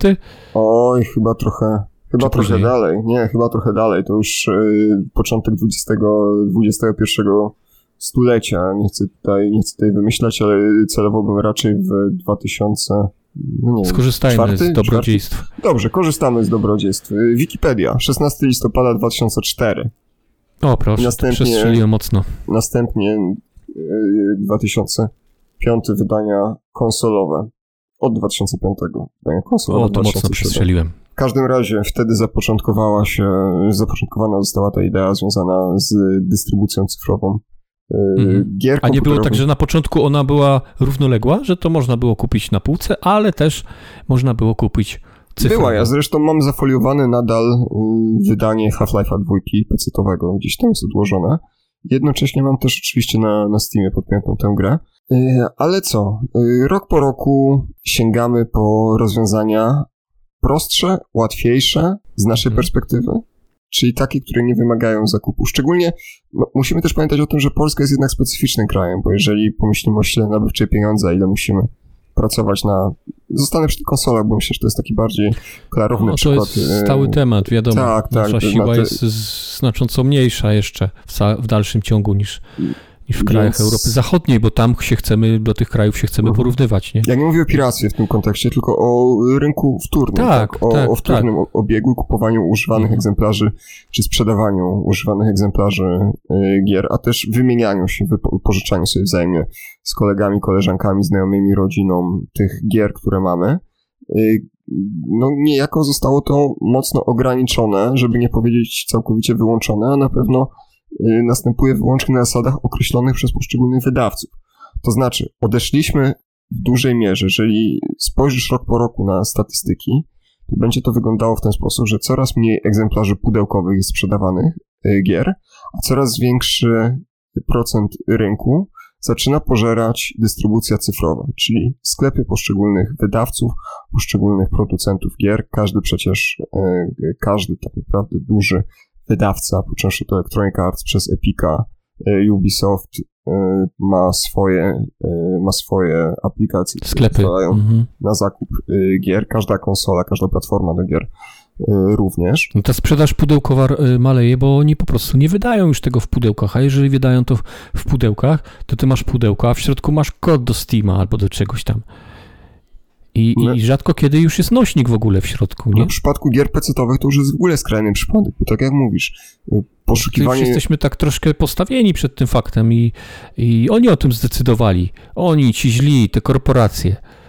No tak, bo ten, ten rynek wtórny na konsolach jeszcze jakoś funkcjonuje, ale na PC nie ma czegoś takiego. Kropka. Zostało to tak. za chyba obopólną zgodą, bo to jest łatwiejsze rozwiązanie, yy, mimo wszystko, i bardziej dostępne. Zarżnięte, to znaczy gdzieś, mhm. gdzieś e, na przestrzeni lat niepostrzeżenia. I to, to, to tak, za, tak zawsze jest. Pamiętam pierwsze gry, które miały wymagać stałego połączenia z internetem. Jakie larum się podnosiło, że jak to, tak, a jak ja będę chciał na łodzi podwodnej zagrać moją ulubioną grę, to jak ja to zrobię? Teraz większość gier wymaga od nas stałego połączenia z internetem i nikt z tego tytułu już nawet nie zająknie się. Po prostu ta w miejsce rewolucji z dnia na dzień wy, mm. wyewoluował pomóż, wyewoluowało to w ten sposób, tak. E, który, który faktycznie e, jest, jest z nami obecnie, to znaczy taki, że mm, nie mamy tak naprawdę żadnych albo nasze prawa są, żadnych praw albo te prawa są mocno ograniczone, bo my musimy się odzwyczaić od tego, że kupujemy grę. Kiedyś, tak jak tak jak rozmawialiśmy wcześniej, nabywaliśmy mm. prawo własności nośnika i licencję na oprogramowanie po prostu mogliśmy w uproszczeniu dożywotnio korzystać z tego, mm, tego oprogramowania tej gry. Zacznę od gier, ale to z czasem przecież zaczęło No jest, tak dotyczyć... jest najprościej, z tak. tego chyba naj, najszerzej korzystamy. Tak, ale to też dotyczy przecież, e, dotyczy także filmów, muzyki, no, e, oczywiście, książek. Netflix przecież jest codziennością. Yy, więc... Muzyki, Spotify, o, oczywiście. No, to, tak chciałem polecieć troszkę z stereotypem, że gry, ale to przecież muzyka, Spotify, filmy, seriale, Netflix, e, książki, to też są wszelkiego rodzaju usługi Wiesz co, tylko ja nie chciałbym tutaj rzucać do jednego wora dwóch y, usług dwóch rodzajów, to znaczy takie, że kupujemy, w cudzysłowie, nabywamy licencję na programowanie, czy książkę, czy, czy muzykę tak, to y, trzeba rozdzielić, jednorazowo, a dwa, te usługi y, streamingowe, abonamentowe, mhm. tak. Tak, mhm. de, de, facto we wszystkich przypadkach, bo jeżeli wczytasz się w umowę y, Steama, to my także wypożyczamy. To się nie różni niczym tej strony prawnej od wizyty w wypożyczalni kaset wideo, mm. tylko już tutaj y, wypożyczamy to na czas trwania usługi. Konia z rzędem temu... No to w jakim przypadku kupujemy na własność tą, ten cyfrowy kod, który możemy potem sobie grać tą cyfrową grę. To, to na, własność to na własność to kupujesz sobie tę kartkę papieru, na której jest na, nadrukowany kod. Możesz sobie na czoło to przykleić. Właśnie, czyli już nie ma czegoś takiego, że kupujemy sobie na własność tą, tą grę. Nawet nie nabywasz licencji na konkretny utwór. Nabywasz po prostu, zawierasz umowę de facto, de facto najprościej będzie powiedzieć o tym jako o najmie, jako wypożyczeniu po prostu na czas trwania tej usługi. Yy, zapew- umożliwienia dostępu do do usługi, tak? A cena jest taka, jak kiedyś za to, że nabywałeś właśnie jak fizyczny nośnik. Dokładnie mhm. tak, dokładnie tak. I to jest punkt wyjścia. Dzięki temu, że mm, to dystrybutorzy czy wydawcy mają pełną kontrolę nad tym, co się dzieje, to oni dyktują ceny. Oczywiście na, na Steamie, y, znaczy na Steamie, na PC jest stosunkowo łatwo jednak y, poszukać gdzieś, szczególnie dla tych bardziej świadomych użytkowników, e, alternatyw w postaci różnego rodzaju sklepów. Ja już tutaj też nie mówię e, o tych, o tych sklepach sprzedających klucze niewiadomego pochodzenia, które w cudzysłowie oczywiście mówiąc spadły gdzieś tam z tira, ale, ale rozwiązań jest sporo, natomiast na... Nigdy nie odpowiedziałeś mi na pytanie, czy te klucze są legalne, czy nie, bo wszędzie na Allegro, wszędzie na Allegro, no te aukcje mają zawsze taki zapis, że zgodnie z y, tam wyrokiem takim a takim, trybunału jakiegoś tam, można tym obracać i ten y, Office, czy ten Windows za 7,99 z Allegro, choć chyba Allegro ostatnio ukróciło już te w swoim regulaminie, gdzieś ma taki zapis, że już nie można tego robić, a to tak na marginesie, to tam ten y, Office za 7,99 jest legalny i nigdy do końca nie, nie wytłumaczyliśmy tego sobie nawzajem, czy, czy to jest office, legalne, czy nie. Pewnie ten Office za 7,99, chociaż Office w ogóle już jest teraz, zdaje się, ten 365 wyłącznie y, usługą y, abonamentową. Nie ma możliwości Y, wykupienia Office'a na stałe, poprawnie. Jeszcze chyba jest. Czy, ja czy, też sobie nie dam niczego jest? odsiąść, ale to chyba idzie y, dwoma torami. Pewnie Microsoft zmierza w tym kierunku, żeby to była usługa abonamentowa, ale jestem prawie pewien, że póki co jeszcze jest taka możliwość, że można sobie Y, po prostu Office'a mieć na, na, na gdzieś tam na, na, licencji tej jednostanowiskowej. No właśnie, licencja, słowo klucz. Najczęściej to będzie po prostu no. naruszenie tych warunków licencyjnych, bo te klucze sprzedawane za grosze to mogą być e, klucze przeznaczone do użytku dla studentów, czy jakieś wersje OM. Tak, tak, to są zawsze jakieś takie wersje, no. no. Czy ze, ze złomowanych komputerów, nie? Czegoś takiego, jakieś takie dziwne. Nie czarujmy się, nikt nie będzie, jeżeli ten klucz działa, to nikt raczej, myślę, w 9%, 90% przypadków nie będzie z tego tytułu y, tutaj ścigał nikogo, natomiast faktycznie gdzieś warto się zastanowić, skąd te klucze się wzięły. Y, taką praktyką mm, było też sprzedawanie, i to zostało już ukrócone na Allegro, dostępu do kont y, Steamowych, gdzie tak. otrzymywaliśmy dostęp do jednego konta i ono było współdzielone. I tutaj już ewidentnie jest to naruszenie majątkowych praw autorskich. Y, no i, no i podstawa do żądania wynagrodzenia przez podmioty uprawnione. Natomiast też się zdarza, że platformy te elektroniczne, właśnie, właśnie Steam przykładowo, banują konta, tak usuwają konta ze względu na to, że pojawiają się tam klucze, które nie powinny tam się znaleźć. To mogą być klucze, które zostały wygenerowane w jakiś nie do końca zgodny z założeniami podmiotów uprawnionych sposób, albo też zostały po prostu, no przecież y, dużo słyszymy tak o wyciekach różnego rodzaju danych, więc jeżeli wyciekł Excel, upraszczam oczywiście, Y, z, z kluczami do gry one zostały następnie sprzedane, wprowadzone do obrotu, no to także tutaj trudno mówić o legalnym wejściu y, w posiadanie dostępu do takiego, mhm. takiego oprogramowania. Dobra, a powiedz mi teraz taką, wrócę do tego, o czym, o czym powiedziałeś na początku. Kiedyś miałem Amigę, czy tam Atari.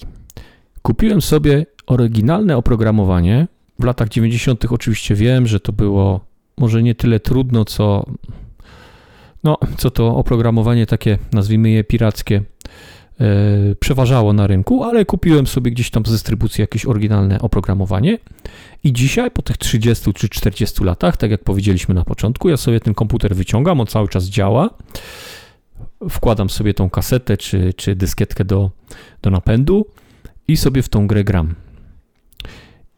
Kontra sytuacja taka, że kupiłem sobie kiedyś PS3 od momentu E, premiery PS3 już minęło ile? Z 15 lat będzie co najmniej. Od premiery PS3? Dokładnie 15 tak, tak. 15 lat. Mhm. I kupiłem sobie te 15 lat temu PS3.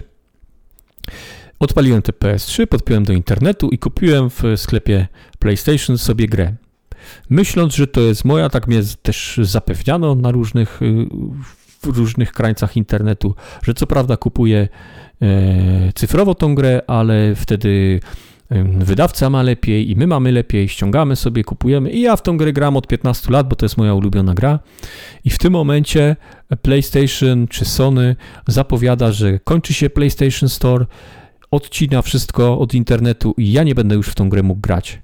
I teraz w tą grę, którą kupiłem 40 lat temu na Atari, czy na Commodore, czy na Amigę, mogę sobie dzisiaj zagrać, bo mam ją fizycznie, a ten cyfrowy produkt, który kiedyś kupiłem i zapewniano mnie, że ja też będę mógł grać, przecież internet nigdy nie zniknie, zawsze będę to tam miał, już teraz grać nie mogę, a tak samo za to zapłaciłem, tak samo to kupiłem. Yy, Wiesz, wiesz, wiesz do czego zmierzam? Jaka, tak, jak, zmierzasz... jak to wszystko ugryźć? Jest diametralna różnica w tym wszystkim teraz, bo notabene przecież Sony zapowiedziało już, że odetnie PlayStation 3. Jeszcze póki co w, wstrzymano się z tym, bo tam były jakieś, wtyczkę od Vity i PS3, tak. Tak. I, a PS3 wcale nie jest y, y, przecież jeszcze retro, bo ja cały czas mam jeszcze na, oprócz innych konsol na, na półce PS3, które sobie czasem y, podpinam i w GTA 5 sobie tam zagram.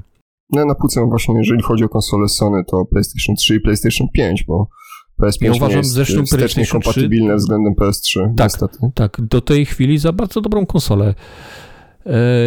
I co? I jak to, jak to wszystko wygląda? Powiedz, to wygląda z twojej tak, perspektywy. że i tutaj pewnie świat zachwieje się w posadach. Steam kiedyś upadnie. Nie będzie kiedyś Steama. Pytanie tylko w takim razie nie jest, czy utracimy dostęp do tego programowania, tylko kiedy.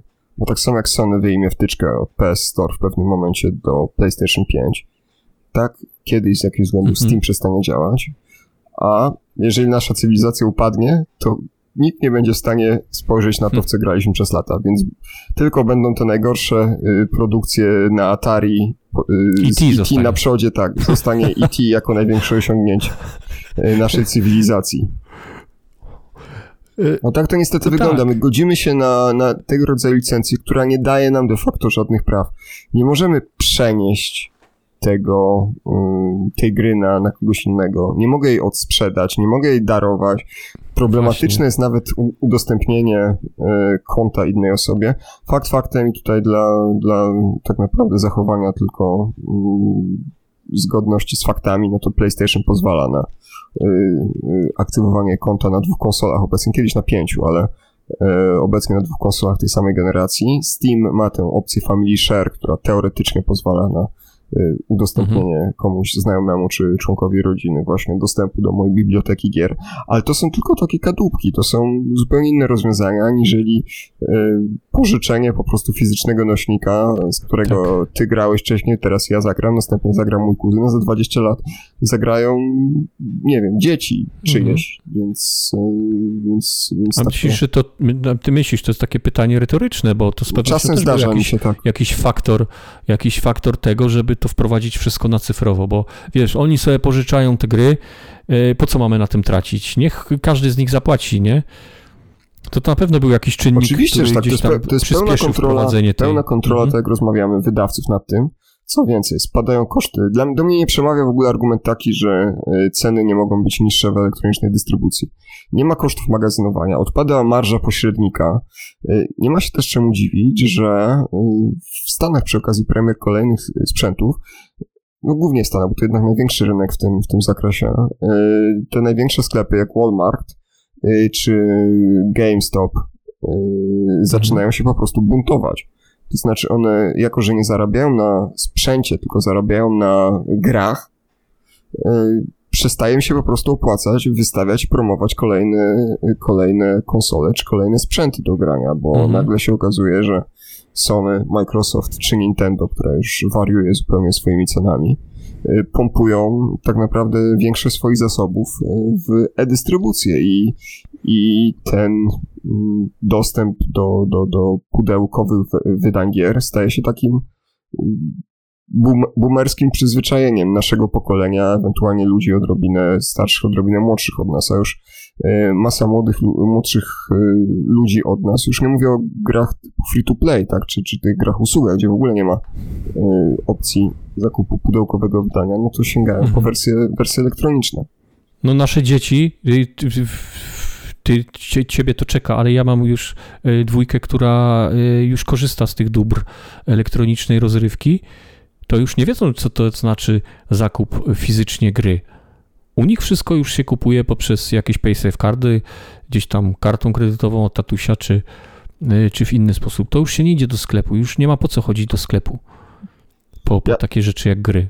Ja przez lata zbierałem filmy na DVD. Miałem no, z mała 500, 500 sztuk, jeszcze część tam tej kolekcji gdzieś pewnie u rodziców jest. Następnie y, filmy na Blu-rayu, tak tych mam mniej, bo już zaczęło do mnie docierać, że to się po prostu mija na pewnym etapie z celem. Nadal lubię mieć swoje ulubione produkcje na, y, na nośnikach, ale już mam poważne wątpliwości, czy będę przechodził na Blu-raya w, w 4K mimo tego, że jakość e, materiałów takich, e, na ta, z takich nośników nadal jest zauważalnie lepsza aniżeli w serwisach e, streamingowych. Mhm. I tak samo wygląda to z grami. Ja na PlayStation 2 czy na, czy na Xboxa tego oryginalnego pierwszego miałem dziesiątki, pewnie, pewnie grubo ponad setkę gier. Na PS3 pewnie poniżej, też pewnie niewiele, niewiele miel. Na PS4, no to już na palcach obu rąk jestem w stanie policzyć Y, gry, które nadal mam w wersji, w wersji pudełkowej. A na PS5, no to dwie? Mhm. Tak, to niestety, albo stety wygląda i to w tym kierunku wszystko zmierza. Wydaje mi się, że jeszcze jedną branżą, jeśli tak mogę powiedzieć, y, która opiera się tym, tym wszystkim zmianom, chociaż oczywiście nie do końca, bo też przecież istnieją książki, które możemy w sposób elektroniczny czytać, jest właśnie czytelnictwo. Bo ja z całym swoim bagażem E, elektroniczności e, i tym, że lubię po prostu nowinki, lubię korzystać z, z rzeczy elektronicznych, e, ze wszystkich tych dobrodziejstw Netflixowych i innych, to, i to mówiliśmy już przy, na przykładzie, przy okazji odcinka, odcinku o, o książkach, to jednak książki kupuję cały czas w wersji fizycznej i one są, one są wydawane jednak w wersji fizycznej cały czas. Nie ma takiego chyba Mm, bardzo wielkiego spadku, jak, jak kiedyś nastąpił właśnie, jeżeli chodzi o gry. Książki cały czas są drukowane i cały czas można je kupić. I chyba to jest taka jedna z dziedzin, które no, opierają się temu, choć oczywiście nie do końca, bo tak jak powiedzieliśmy, są Kindle, są czytniki, e, ewentualnie ktoś może nawet w PDF-ach czytać, to, to wszystko jest możliwe, ale jednak fizycznie książki cały czas istnieją i mają się dobrze. I to taka branża, wydaje mi się, może mnie wyprowadzić z równowagi, no, bo może to, źle myślę. U mnie to tak 50-50. Co drugą książkę, myślę, kupuję w wersji y, cyfrowej, ale nadal sporo nowych mhm. pozycji pojawia się na półce. Ja żadnej. To ja chyba nie przeczytałem ani jednej książki elektronicznie w życiu to nie, to moja żona kupuje nałogowo i wydaje masę y, pieniędzy właśnie na, na książki w wersji A też nie są chyba bardzo tańsze, co? Czy w ogóle są tańsze? Książki elektroniczne? Mam wrażenie, że nie są tańsze. To jest ten sam case, o którym mówiłem. Jest sam przedział gier. czasowy, mhm. przedział cenowy. Tak. cenowy, tak. A zobacz, a jest to rozwiązanie, które na pewno jest bardziej ekologiczne, nie wymaga wycinania drzew nie wymaga magazynowania tego, nie wymaga wycieczki. Właśnie ten, ten impulsywny zakup jest chyba taki kluczowy, jednym z kluczowych elementów. Tak, no bo... Że mogę to mieć tu i teraz. Mogę mieć dokładnie to tu i teraz. O, dostaję maila z informacją, jest promocja w bibliotece, w księgarni mhm. elektronicznej, minus 20% y, na wybrane przez ciebie książki, godzinę, masz na to czas start. No ale do księgarni trzeba pojechać, to już, to już jest teraz mm. wyprawa. Albo zamówić przez internet. Tak. Co prawda jutro będzie dostawa, tam paczkomaty, szybko to wszystko działa, ale to jest jednak jakieś oczekiwanie, nie? Ale my się przyzwyczailiśmy już do tego, że już musimy mieć teraz, tu i teraz, tak. tak natychmiast. Tak. Yy, więc, więc y, ja staram się jednak część tych książek kupować, jakąś tam sobie biblioteczkę tworzyć. Czasem nawet kupuję, y, czy, czy, czy po przeczytaniu wersji elektronicznej sięgam także po wersję tradycyjną papierową, nie tylko po to, żeby sztachnąć się zapachem E, druku i, e, i po prostu świeżo mhm. wydrukowane bardzo książki. Lubię, bardzo lubię. Ale też po to, żeby po prostu mieć to na półce. Zresztą kiedyś mówiło się chyba tak, że tak, tak to odbierano, że... No przecież coś inteligent... na trzeba pokazać, nie? Tak, właściwie na... powiedzieć, że mą, mądrzy, mądrzy ludzie tu mieszkają, mają dużą biblioteczkę. A teraz, no gdybyśmy tak zaczęli się zastanawiać, no to można, można mieć wszystko w wersji elektronicznej i puste puste ściany, tak? Żadnych, ja, ja, mam jakąś kolekcję yy, Tym filmów. bardziej, że to miejsce, tak jak powiedziałeś, to jest bardzo ograniczone, nie? No dobrze, ale z drugiej strony, z drugiej strony, już mówię, z siódmej strony pewnie, książki czy innego rodzaju dzieła y, kultury były czy są przekazywane często gęsto z pokolenia na pokolenie. Ja sam mam pewnie swojej bibliotece książki, które, które mają 50 i więcej lat. Natomiast w przypadku tej dystrybucji elektronicznej temat jest mocno problematyczny. No wyjąłeś bo... mi to z ust, bo ja czekałem aż, aż skończysz grzecznie, nie chciałem ci przerywać, ale chciałem cię zapytać o właśnie, bo teraz tak, chciałem powiedzieć ile mam lat, ale tego nie zrobię. Przez te wszystkie lata swojego Możesz e... PESEL powiedzieć jakim. nie, w życiu. Przez te wszystkie lata swojego, mm, swojego życia elektronicznego mm, zgromadziłem różnego rodzaju dobra elektroniczne. Kupiłem sobie masę gier, kupiłem sobie masę komiksów, e, masę muzyki sobie nakupowałem. No Netflixa nie wspominam, bo to jest taka, to jest abonament, tam możesz Dojdziemy do tego, abonament tak, i tego nie masz. Tak. Mhm.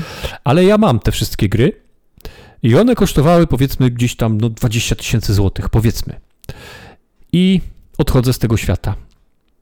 Jak wiemy, wszystko to, co zgromadziliśmy e, w ciągu naszego życia, to nasi potomkowie, e, czy też e, rodzina, może odziedziczyć. Ktoś dostaje samochód, ktoś dostaje mój bardzo dobry mikrofon do nagrywania podcastów, ktoś dostaje mój nowo zakupiony monitor. A co z tymi grami, na które wydałem 20 tysięcy złotych? Tymi w pudełkach? No w tymi w pudełkach to wiadomo. To wiadomo. Ale tymi na Steamie, które, za które zapłaciłem ciężkie pieniądze i ktoś mógłby, nie wiem, teraz jest możliwość w ogóle spieniężenia tego wszystkiego, sprzedania, odziedziczenia. Jak, jak to w ogóle wygląda? No i raz jeszcze stajemy przed fantastycznym wyzwaniem, z którym od takiej strony czysto zawodowej, prawnej chciałbym się zmierzyć. Bo o ile sama licencja Steama, czy generalnie też innych y, serwisów tego rodzaju nie przewiduje możliwości przeniesienia tych praw na, mhm. na inną osobę. A przykładowo, no, jeżeli, ok, miałbyś na czole wytatuowany y, login i hasło, no to pół biedy, tak? To jakoś ktoś by się do tego dobrał, ale no przykład, tak. Ale... Albo komuś, wiesz, po prostu zostawię, czy wiedzą, gdzie notuję sobie to, to sobie tam wejdą, nie? Ale, no ale tak, to jest konto rzeczach, na... żeby to było wszystko zgodnie z prawem, nie? To jest konto na pana Michała, a nie na spadkobiercę pana Michała tak czy inaczej. Tak, bo to, że, wiesz, to, że Steam nie przewiduje czegoś takiego w regulaminie, ale to mi to generalnie lotto, nie? Nas obowiązuje ja jestem też bardzo ciekawy, prawne. Naprawdę, bardzo chciałbym, bardzo chciałbym yy, mieć okazję podjąć się takiej sprawy. Tak, mhm. tak, gdyby ktoś chciał, to ja pro bono jestem w stanie poprowadzić taką sprawę yy, dotyczącą mm, właśnie sukcesji dóbr yy, cyfrowych. Mając na względzie to, że ceny ich są takie, jakie przez lata były, w uproszczeniu oczywiście, tak, tutaj tak hasłowo rzucając, takie jak, e, jak ceny pudełek e, z grami czy, czy z filmami. Jednocześnie mhm. sam sposób eksploatacji e, też się nie zmienił, a tylko to jest uproszczenie, które ma zapewnić pewnego rodzaju prawa wydawcy, czy to właścicielowi platformy. Chciałbym spróbować wykazać przed sądem, że tak naprawdę ja nabyłem licencję, którą mogę przenieść, znaczy ja mogę przenieść, no, która jest przenoszalna na inną osobę, jeżeli ja tak zdecyduję, albo w przypadku mojej śmierci. Więc y, to jest, to jest coś, y, przed czym też pewnie będziemy... Zdarzyło się już coś takiego na świecie? Zdarzyło się, zdarzyło się w Stanach Zjednoczonych, y, ale to, ale to też trudno im to przynosić jedno zero-jedynkowo na, mhm. na nasz no, grunt. No nie da tak, się, więc... bo to są inne systemy prawne. Mhm. I jak, jak to się skończyło? Jak to wyglądało? Jak to się skończyło? Sąd nie zakwestionował możliwości wówczas y, udostępnienia tych, y, y, tych materiałów innej osobie, czyli wstąpienia po prostu w prawa tego spadkodawcy przez spadkobiercę. Natomiast czy była możliwość, bo takim idealnym rozwiązaniem byłoby po prostu podpięcie czy przeniesienie z konta tej osoby zmarłej tych gier na konto osoby, która jest mhm. spadkobiercą, tak? Więc mhm. czy to było technicznie możliwe? Czy właśnie Steam za, za, y, zasłonił się tym, że nie ma takiej możliwości, to tego niestety nie wiem. Natomiast y, nie zakazano takiej, takiej możliwości, tak? Czyli sąd, sąd wskazał wówczas, y, mhm. to też, też opieram się wyłącznie o, żebyśmy mieli tutaj jasność. Ja nie znam konkretnie, nie widziałem w życiu akty Jasne. sprawy, to jest tylko informacja gdzieś wyczytana w internecie, że tego rodzaju spór zawiózł. Nie dotyczyło wprawdzie Steama, tylko innego rodzaju mhm. usług online że, że one są przenoszalne, tak? Nie można tego zakazać mhm. w relacji przede wszystkim z konsumentem. Rozumiem, czyli Więc można no to, jest... przenieść, bo, bo generalnie tej gry na Steamie ja nie mogę sprzedać. Nie, nie możesz jej sprzedać. No nie mogę. Możesz ją w pewnych okolicznościach zwrócić, tak, jeżeli Właśnie. używana mniej. Więc, więc y, w przypadku śmierci danego posiadacza takiej gry, no nie można jej sprzedać, tak jak powiedziałeś, no można gdzieś tam dochodzić tych swoich praw znaczy, tego, założenie jest takie, że umowa, umowa na swoje konto. Umowa mhm. wygasa po prostu z chwilą śmierci. po prostu. Mhm. I to konto... Ale można gdzieś tam spróbować dochodzić swoich praw, żeby je ja bym próbował. po prostu przyznam na swoje... Szczerze, przyznam szczerze, ja bym okay. próbował. A nawet okay. nie tyle w przypadku mm, właśnie y, śmierci, bo to jest tak skrajny przypadek, y, ale nawet chęci mm, dalszego zbycia, bo tutaj, tutaj też wspominałeś o tych różnych... No właśnie do tego zmierzam, bo... Był taki głośny spór swego czasu Oracle przeciwko Just Software. Y, dotyczył okay.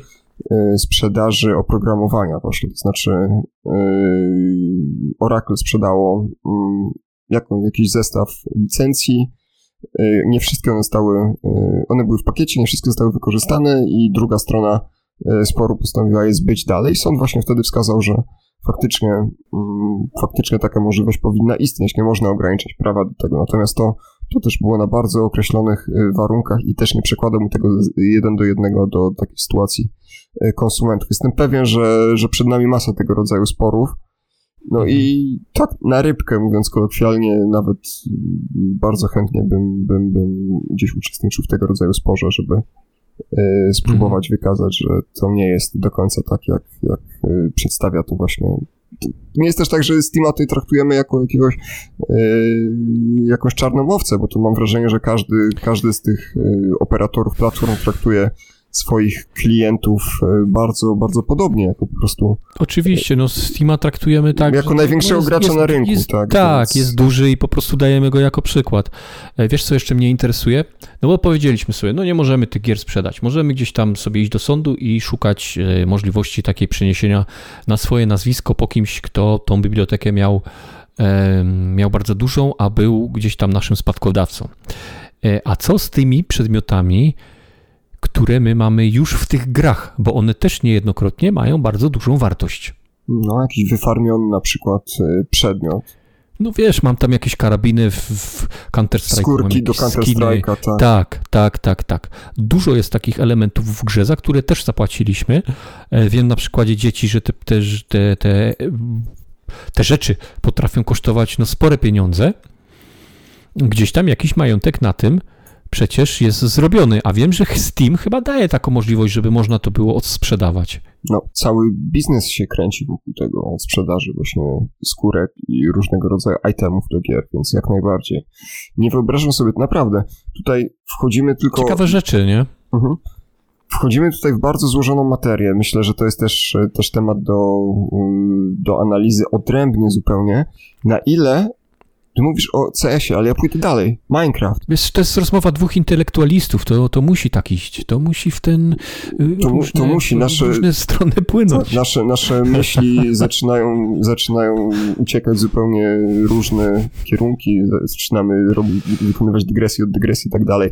Ale zupełnie serio mówiąc, pomyśl o Minecrafcie, gdzie de facto dostajesz piaskownicę, której możesz stworzyć coś Dzieło z, sztuki. z niczego. Dzieło sztuki, tak, dokładnie tak. Te, te złożone światy jak najbardziej mogą pretendować do miana utworu w rozumieniu artykułu pierwszego ustęp pierwszy ustawy o prawie autorskim prawa pokrewnych. Dokładnie, konsekwencji czego... to, co stworzy w grze, nie? To, o tym mhm. mówisz. To, co tak. stworzy grze, w grze. Mhm.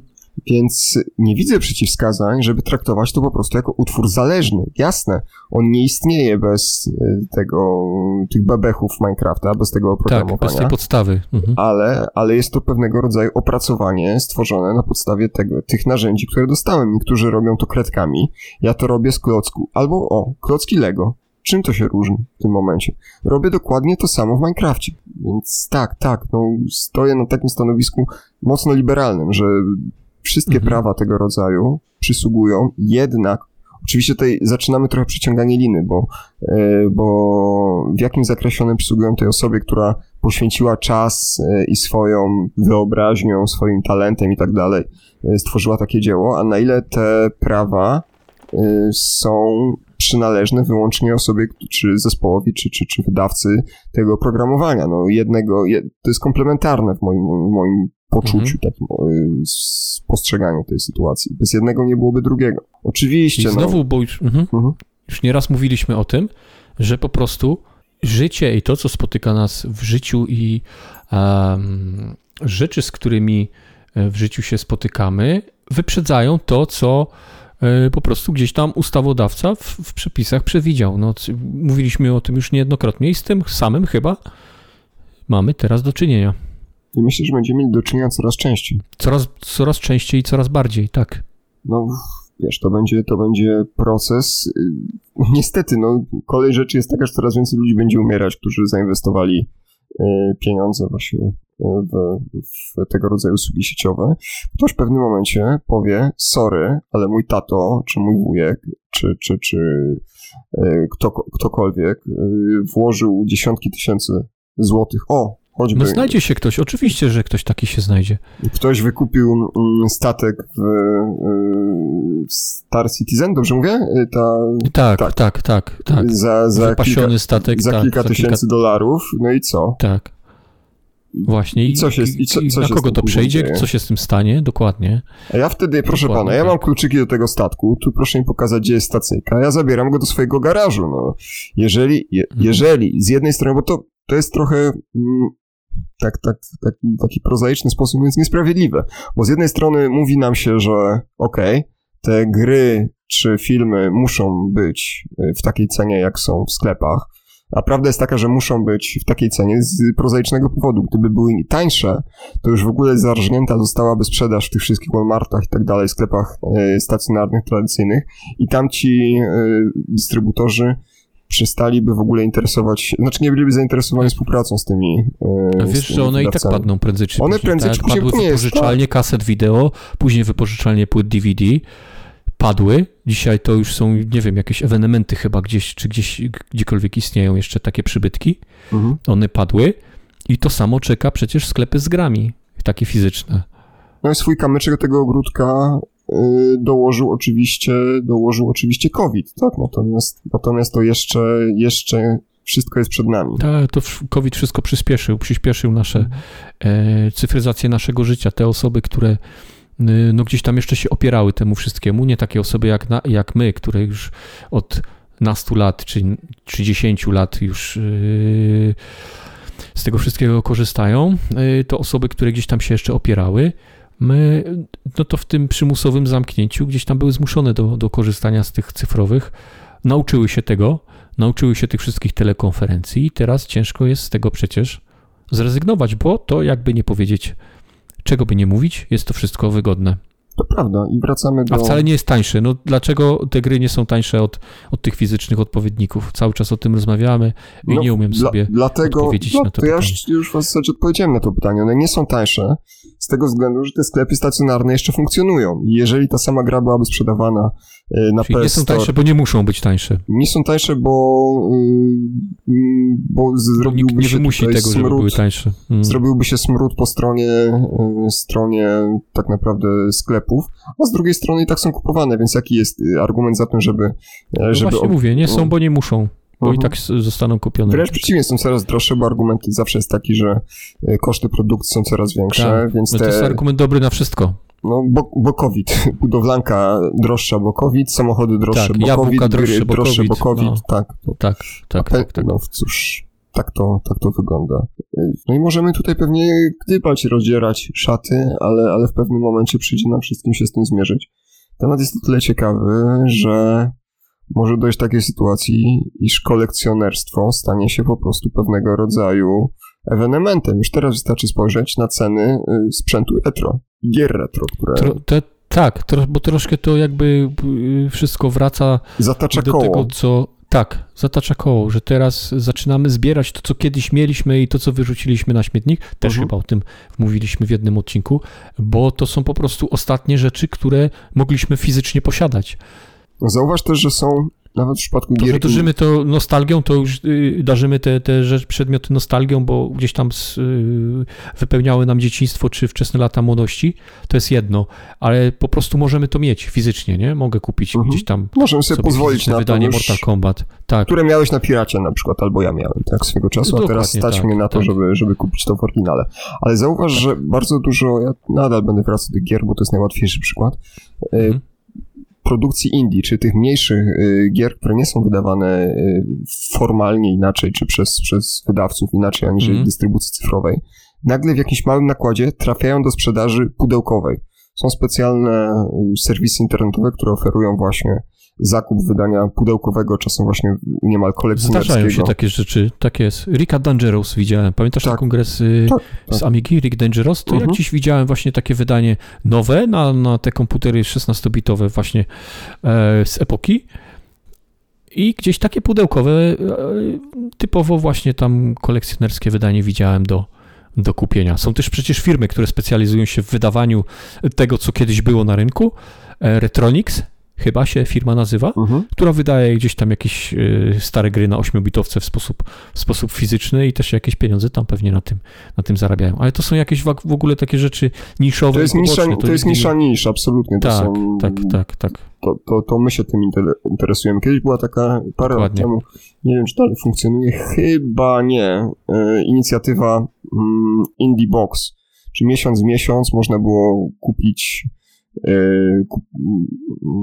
grę, która normalnie wychodziła tylko w wersji elektronicznej, właśnie w wydaniu pudełkowym. Między innymi pamiętam, że tam Armello było dostępne, Hand of Fate yy, i, i, Brutal, chociaż Brutal Legend to akurat zły przykład, bo Brutal Legend także był wydany w wersji yy, tradycyjnej, yy, pudełkowej, ale mam, Wasteland, mam do dzisiaj nawet. Tak, ja, ja dostałem kiedyś kartkę z życzeniami od Tima Schafera świąteczną nawet bo byłem na pierwszym pokazie w 2006 roku e, Brutal Legend jeszcze w Lipsku. To jest 15 lat minęło od tego czasu. Tak. Nieźle. No, więc, więc e, tak, są takie e, podmioty, które zajmują się wydawaniem specjalnych edycji gier, które, które inaczej byłyby dostępne wyłącznie w wersji elektronicznej. Signature Edition to jest też taki producent właśnie wrzucający na rynek w niewielkich nakładach oczywiście i dobrze wycenione y, właśnie gry znane wyłącznie z cyfrowej dystrybucji. I one też sprzedają się dość szybko, w konsekwencji czego y, popyt na nie y, z czasem rośnie, więc może okazać się to całkiem dobrą inwestycją. Mhm. Dobrze, a jeszcze mam jedno pytanie, bo będziemy chyba powoli, powoli zmierzać do brzegu tego naszego odcinka. Cofnijmy się teraz do y, czasów wybuchu II wojny światowej, bo to był ostatni taki konflikt światowy, który jako ludzkość przeżywaliśmy. E, dzieła sztuki, czy jakieś e, specjalnie dla nas ważne rzeczy, które mieliśmy w sposób fizyczny, e, od pokoleń w rodzinie, czy obrazy, czy, e, czy różne inne rzeczy, można było gdzieś przed tymi złymi wydarzeniami schować. Oprócz tego, oczywiście, oprócz tych rzeczy, które rozkradli Niemcy. E, istniały też. I Rosjanie. Róż... Rosjanie również, Sowieci, tak. E, pewnie istniały też różne inne, e, nie wiem jak to nazwać, organizacje, które e, te dzieła sztuki chciały ocalić od e, zniszczenia bo już nawet nie od zapomnienia, ale od fizycznego zniszczenia, gdzie się składowały i później po wojnie one znowu trafiły tam, gdzie powinny, czyli do prawowitych właścicieli albo do jakichś muzeów e, i cieszą oko e, po dziś dzień, oprócz tych, które rozkradli Niemcy i Sowieci i które nie wróciły. E, a jak to jest z tymi dobrami, które my dzisiaj mamy w sposób cyfrowy? Czy wiesz może, bo ja akurat się nie orientuję, czy jest coś takiego jak jakieś takie swoistego rodzaju archiwum, do którego trafiają takie dzieła wybitne. Biblioteka na przykład... aleksandryjska naszych czasów, tak? Tak, dokładnie, dokładnie do tego zmierzam. Czy istnieje y, jakieś takie, nie wiem, archiwum w jakikolwiek sposób archiwizowane? Biblioteka Narodowa które... w Polsce zbiera hmm. egzemplarze wszystkich książek, które są w Polsce wydawane. To to wiem A na co y, do gier? Bo na przykład taki Max Payne, jedynka i dwójka, to jest dzieło moim zdaniem wybitne. Mhm. E, jeżeli chodzi o filmy, to Ojciec Chrzestny na przykład. E, możecie się śmiać, ale i pewnie będziecie, ale. Roki. Roki swoją drogą. Chciałem powiedzieć Titanic. Moim zdaniem, jakby nie patrzeć, można się śmiać, można, wiesz, różne sobie przytyki w tym, ale też swego rodzaju dzieło wybitne kinematografii. I różnego rodzaju inne filmy możemy wymienić. Czy jest y, jakieś takie światowe archiwum tego wszystkiego? A jeżeli jest, to w jaki sposób to jest w tymże miejscu archiwizowane i, i składowane? Żeby w przypadku jakiegoś globalnego kataklizmu bądź też e, konfliktu zbrojnego e, po prostu te dobra ocalały, żeby w przypadku przecięcia tego przewodu, który pod, e, na dnie oceanu idzie pomiędzy Stanami Zjednoczonymi a Europą, to wszystko po prostu puf, nie zniknęło. Moim zdaniem tutaj powinna zacząć działać jakaś organizacja międzynarodowa, która skupiałaby się na tym, żeby to szumnie, powiedzmy, dziedzictwo nasze cywilizacyjne Może coś takiego zachować. jest, a po prostu jesteśmy dyletantami, nie wiemy Na pewno jest coś takiego jak, e, o Jezu, AWA, czyli Arctic World Archive. E, to jest na terenie Norwegii, jednej chyba z wysp norweskich. E, archiwum właśnie mm, zbierające czy gromadzące e, różnego rodzaju utwory, czy zdigitalizowane e, dzieła sztuki. To między innymi jest E, masa, masa wydań książek najbardziej znanych z historii, między innymi produk znaczy produkcje, przepraszam, książki Dante Alighieriego, ale też obrazy. Krzyk Munka właśnie w wersji zdigitalizowanej, ale nie wiem jak to się ma właśnie do gier, czy w ogóle tego rodzaju. Oczywiście są archiwa internetowe, tylko że archiwa to jest internetowe... Wiesz, dyskusja na temat tego, czy grę można traktować jako, jako dzieło sztuki. Od wiesz lat co? tocząca ja mam, się, ja mam, ja mam... pamiętam, chyba od lat 90. się toczy no ja jestem, ta dyskusja. Jestem zdania, jestem zdania, że można. Właśnie Oczywiście, ja też jestem tego zdania. Wspominałem w naszym odcinku dotyczącym książek, e, że zacząłem czytać biografię mm, Leonardo DiCaprio. Przepraszam. Leonardo da Vinci. E, raz jeszcze i... Titanic cię e, zmylił. I Da Vinci, tak, Titanic mnie zmylił, dokładnie tak, wcześniej Romeo, Romeo i Julia. tak. I Da Vinci bardzo w taki zdecydowany sposób wypowiadał się na temat tego, że malarstwo nie powinno być traktowane jako sztuka mechaniczna, tylko jako sztuka wyzwolona, czyli bardziej jak literatura, a nie jak, nie wiem, no, rozbi rozbijanie... pomalowana ściana. Tak, pomalowanie, pomalowanie ściany i właśnie tak. argumentował tak. to w ten sposób, że to nie jest, bo podział był prosty, jeżeli coś jest stworzone tak wprost rękami, oczywiście e, pisanie też następowało e, dłońmi, natomiast jeżeli to jest efekt pracy rąk, no to to nie jest e, sztuka wyzwolona, tak jak śpiew choćby, E, ale tutaj Da Vinci argumentował to, że to jest wypadkowa właśnie rozumu, doświadczeń, wiedzy i tak dalej, talentu. E, więc... Dziś tak właśnie traktujemy malarstwo przecież bez dwóch zdań. Teraz, teraz, ale teraz nie ma wątpliwości. E, nie ma wątpliwości, 500, właśnie. I czy kiedyś nie będzie w tych... Wydaje myślisz, że musi 500 lat minąć? Myślę, że nie, bo, bo z filmem też już nie masz wątpliwości.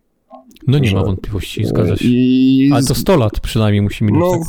Tak, musi przynajmniej no, pięć pokoleń. A za 100 lat, y, tak biorąc pod uwagę y, klimatyczne prognozy, to może już y, właśnie nie być nas i to mm. archiwum by się bardzo przydało dla, Tylko wiesz co, dla ja kogoś, tak... kto kolejny tutaj postawi stopę albo jakąś, Tylko... jakąkolwiek inną kończynę na tej planecie. Tylko zaczęliśmy rozmawiać o tym, że to jest archiwum tworzone w internecie.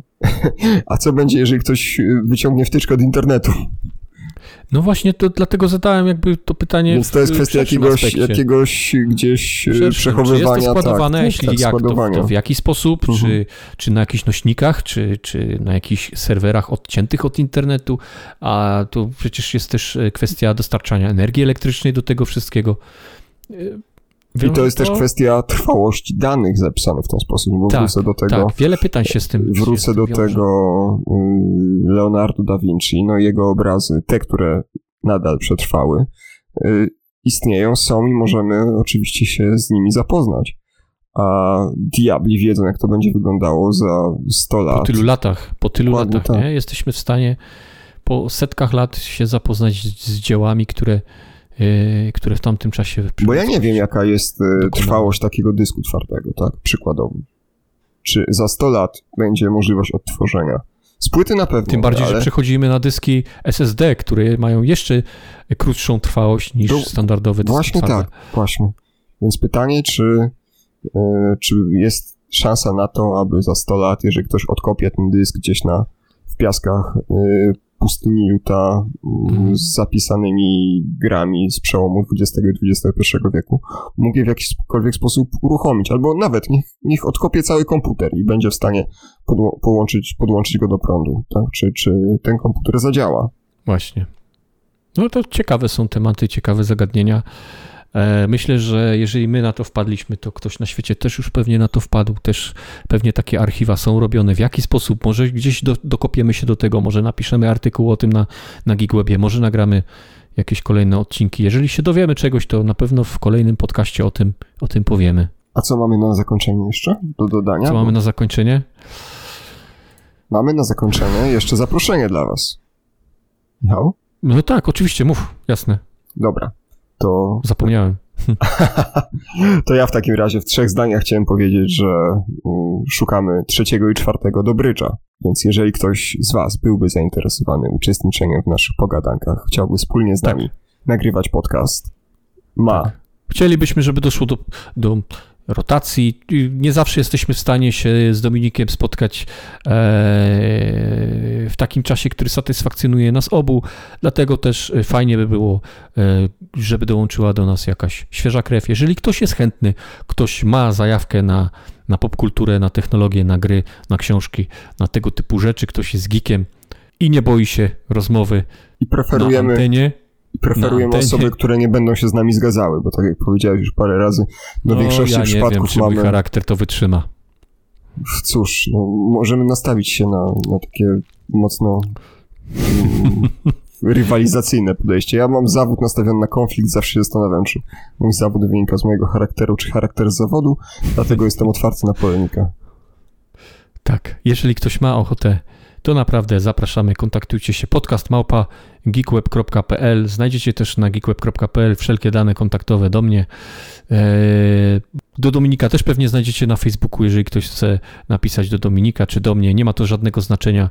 E, piszcie, poszukujemy osób, które byłyby w stanie z nami dyskutować, rozmawiać i bawić się w ten podcast. A to był szósty odcinek zero-jedynkowego podcastu Przypomnijmy jeszcze raz, o czym rozmawiamy? O dystrybucji cyfrowej. Dzisiaj ale nie tak, tylko. Ale w ogóle Dzisiaj tak. A na co dzień rozmawiamy o technologiach, o, grach, tak, o wszystkim, co jest kulturze. powiązane w taki czy inny sposób z szeroko pojętą popkulturą. Tak, w zasadzie rozmawiamy o wszystkim, co nas interesuje, więc to też... O życiu rozmawiamy. Czasem jest, jest, jest szerzej, bo i o prawo zahaczamy, i o, o różne inne życiowe, życiowe kwestie. Podróże dzisiaj były przecież.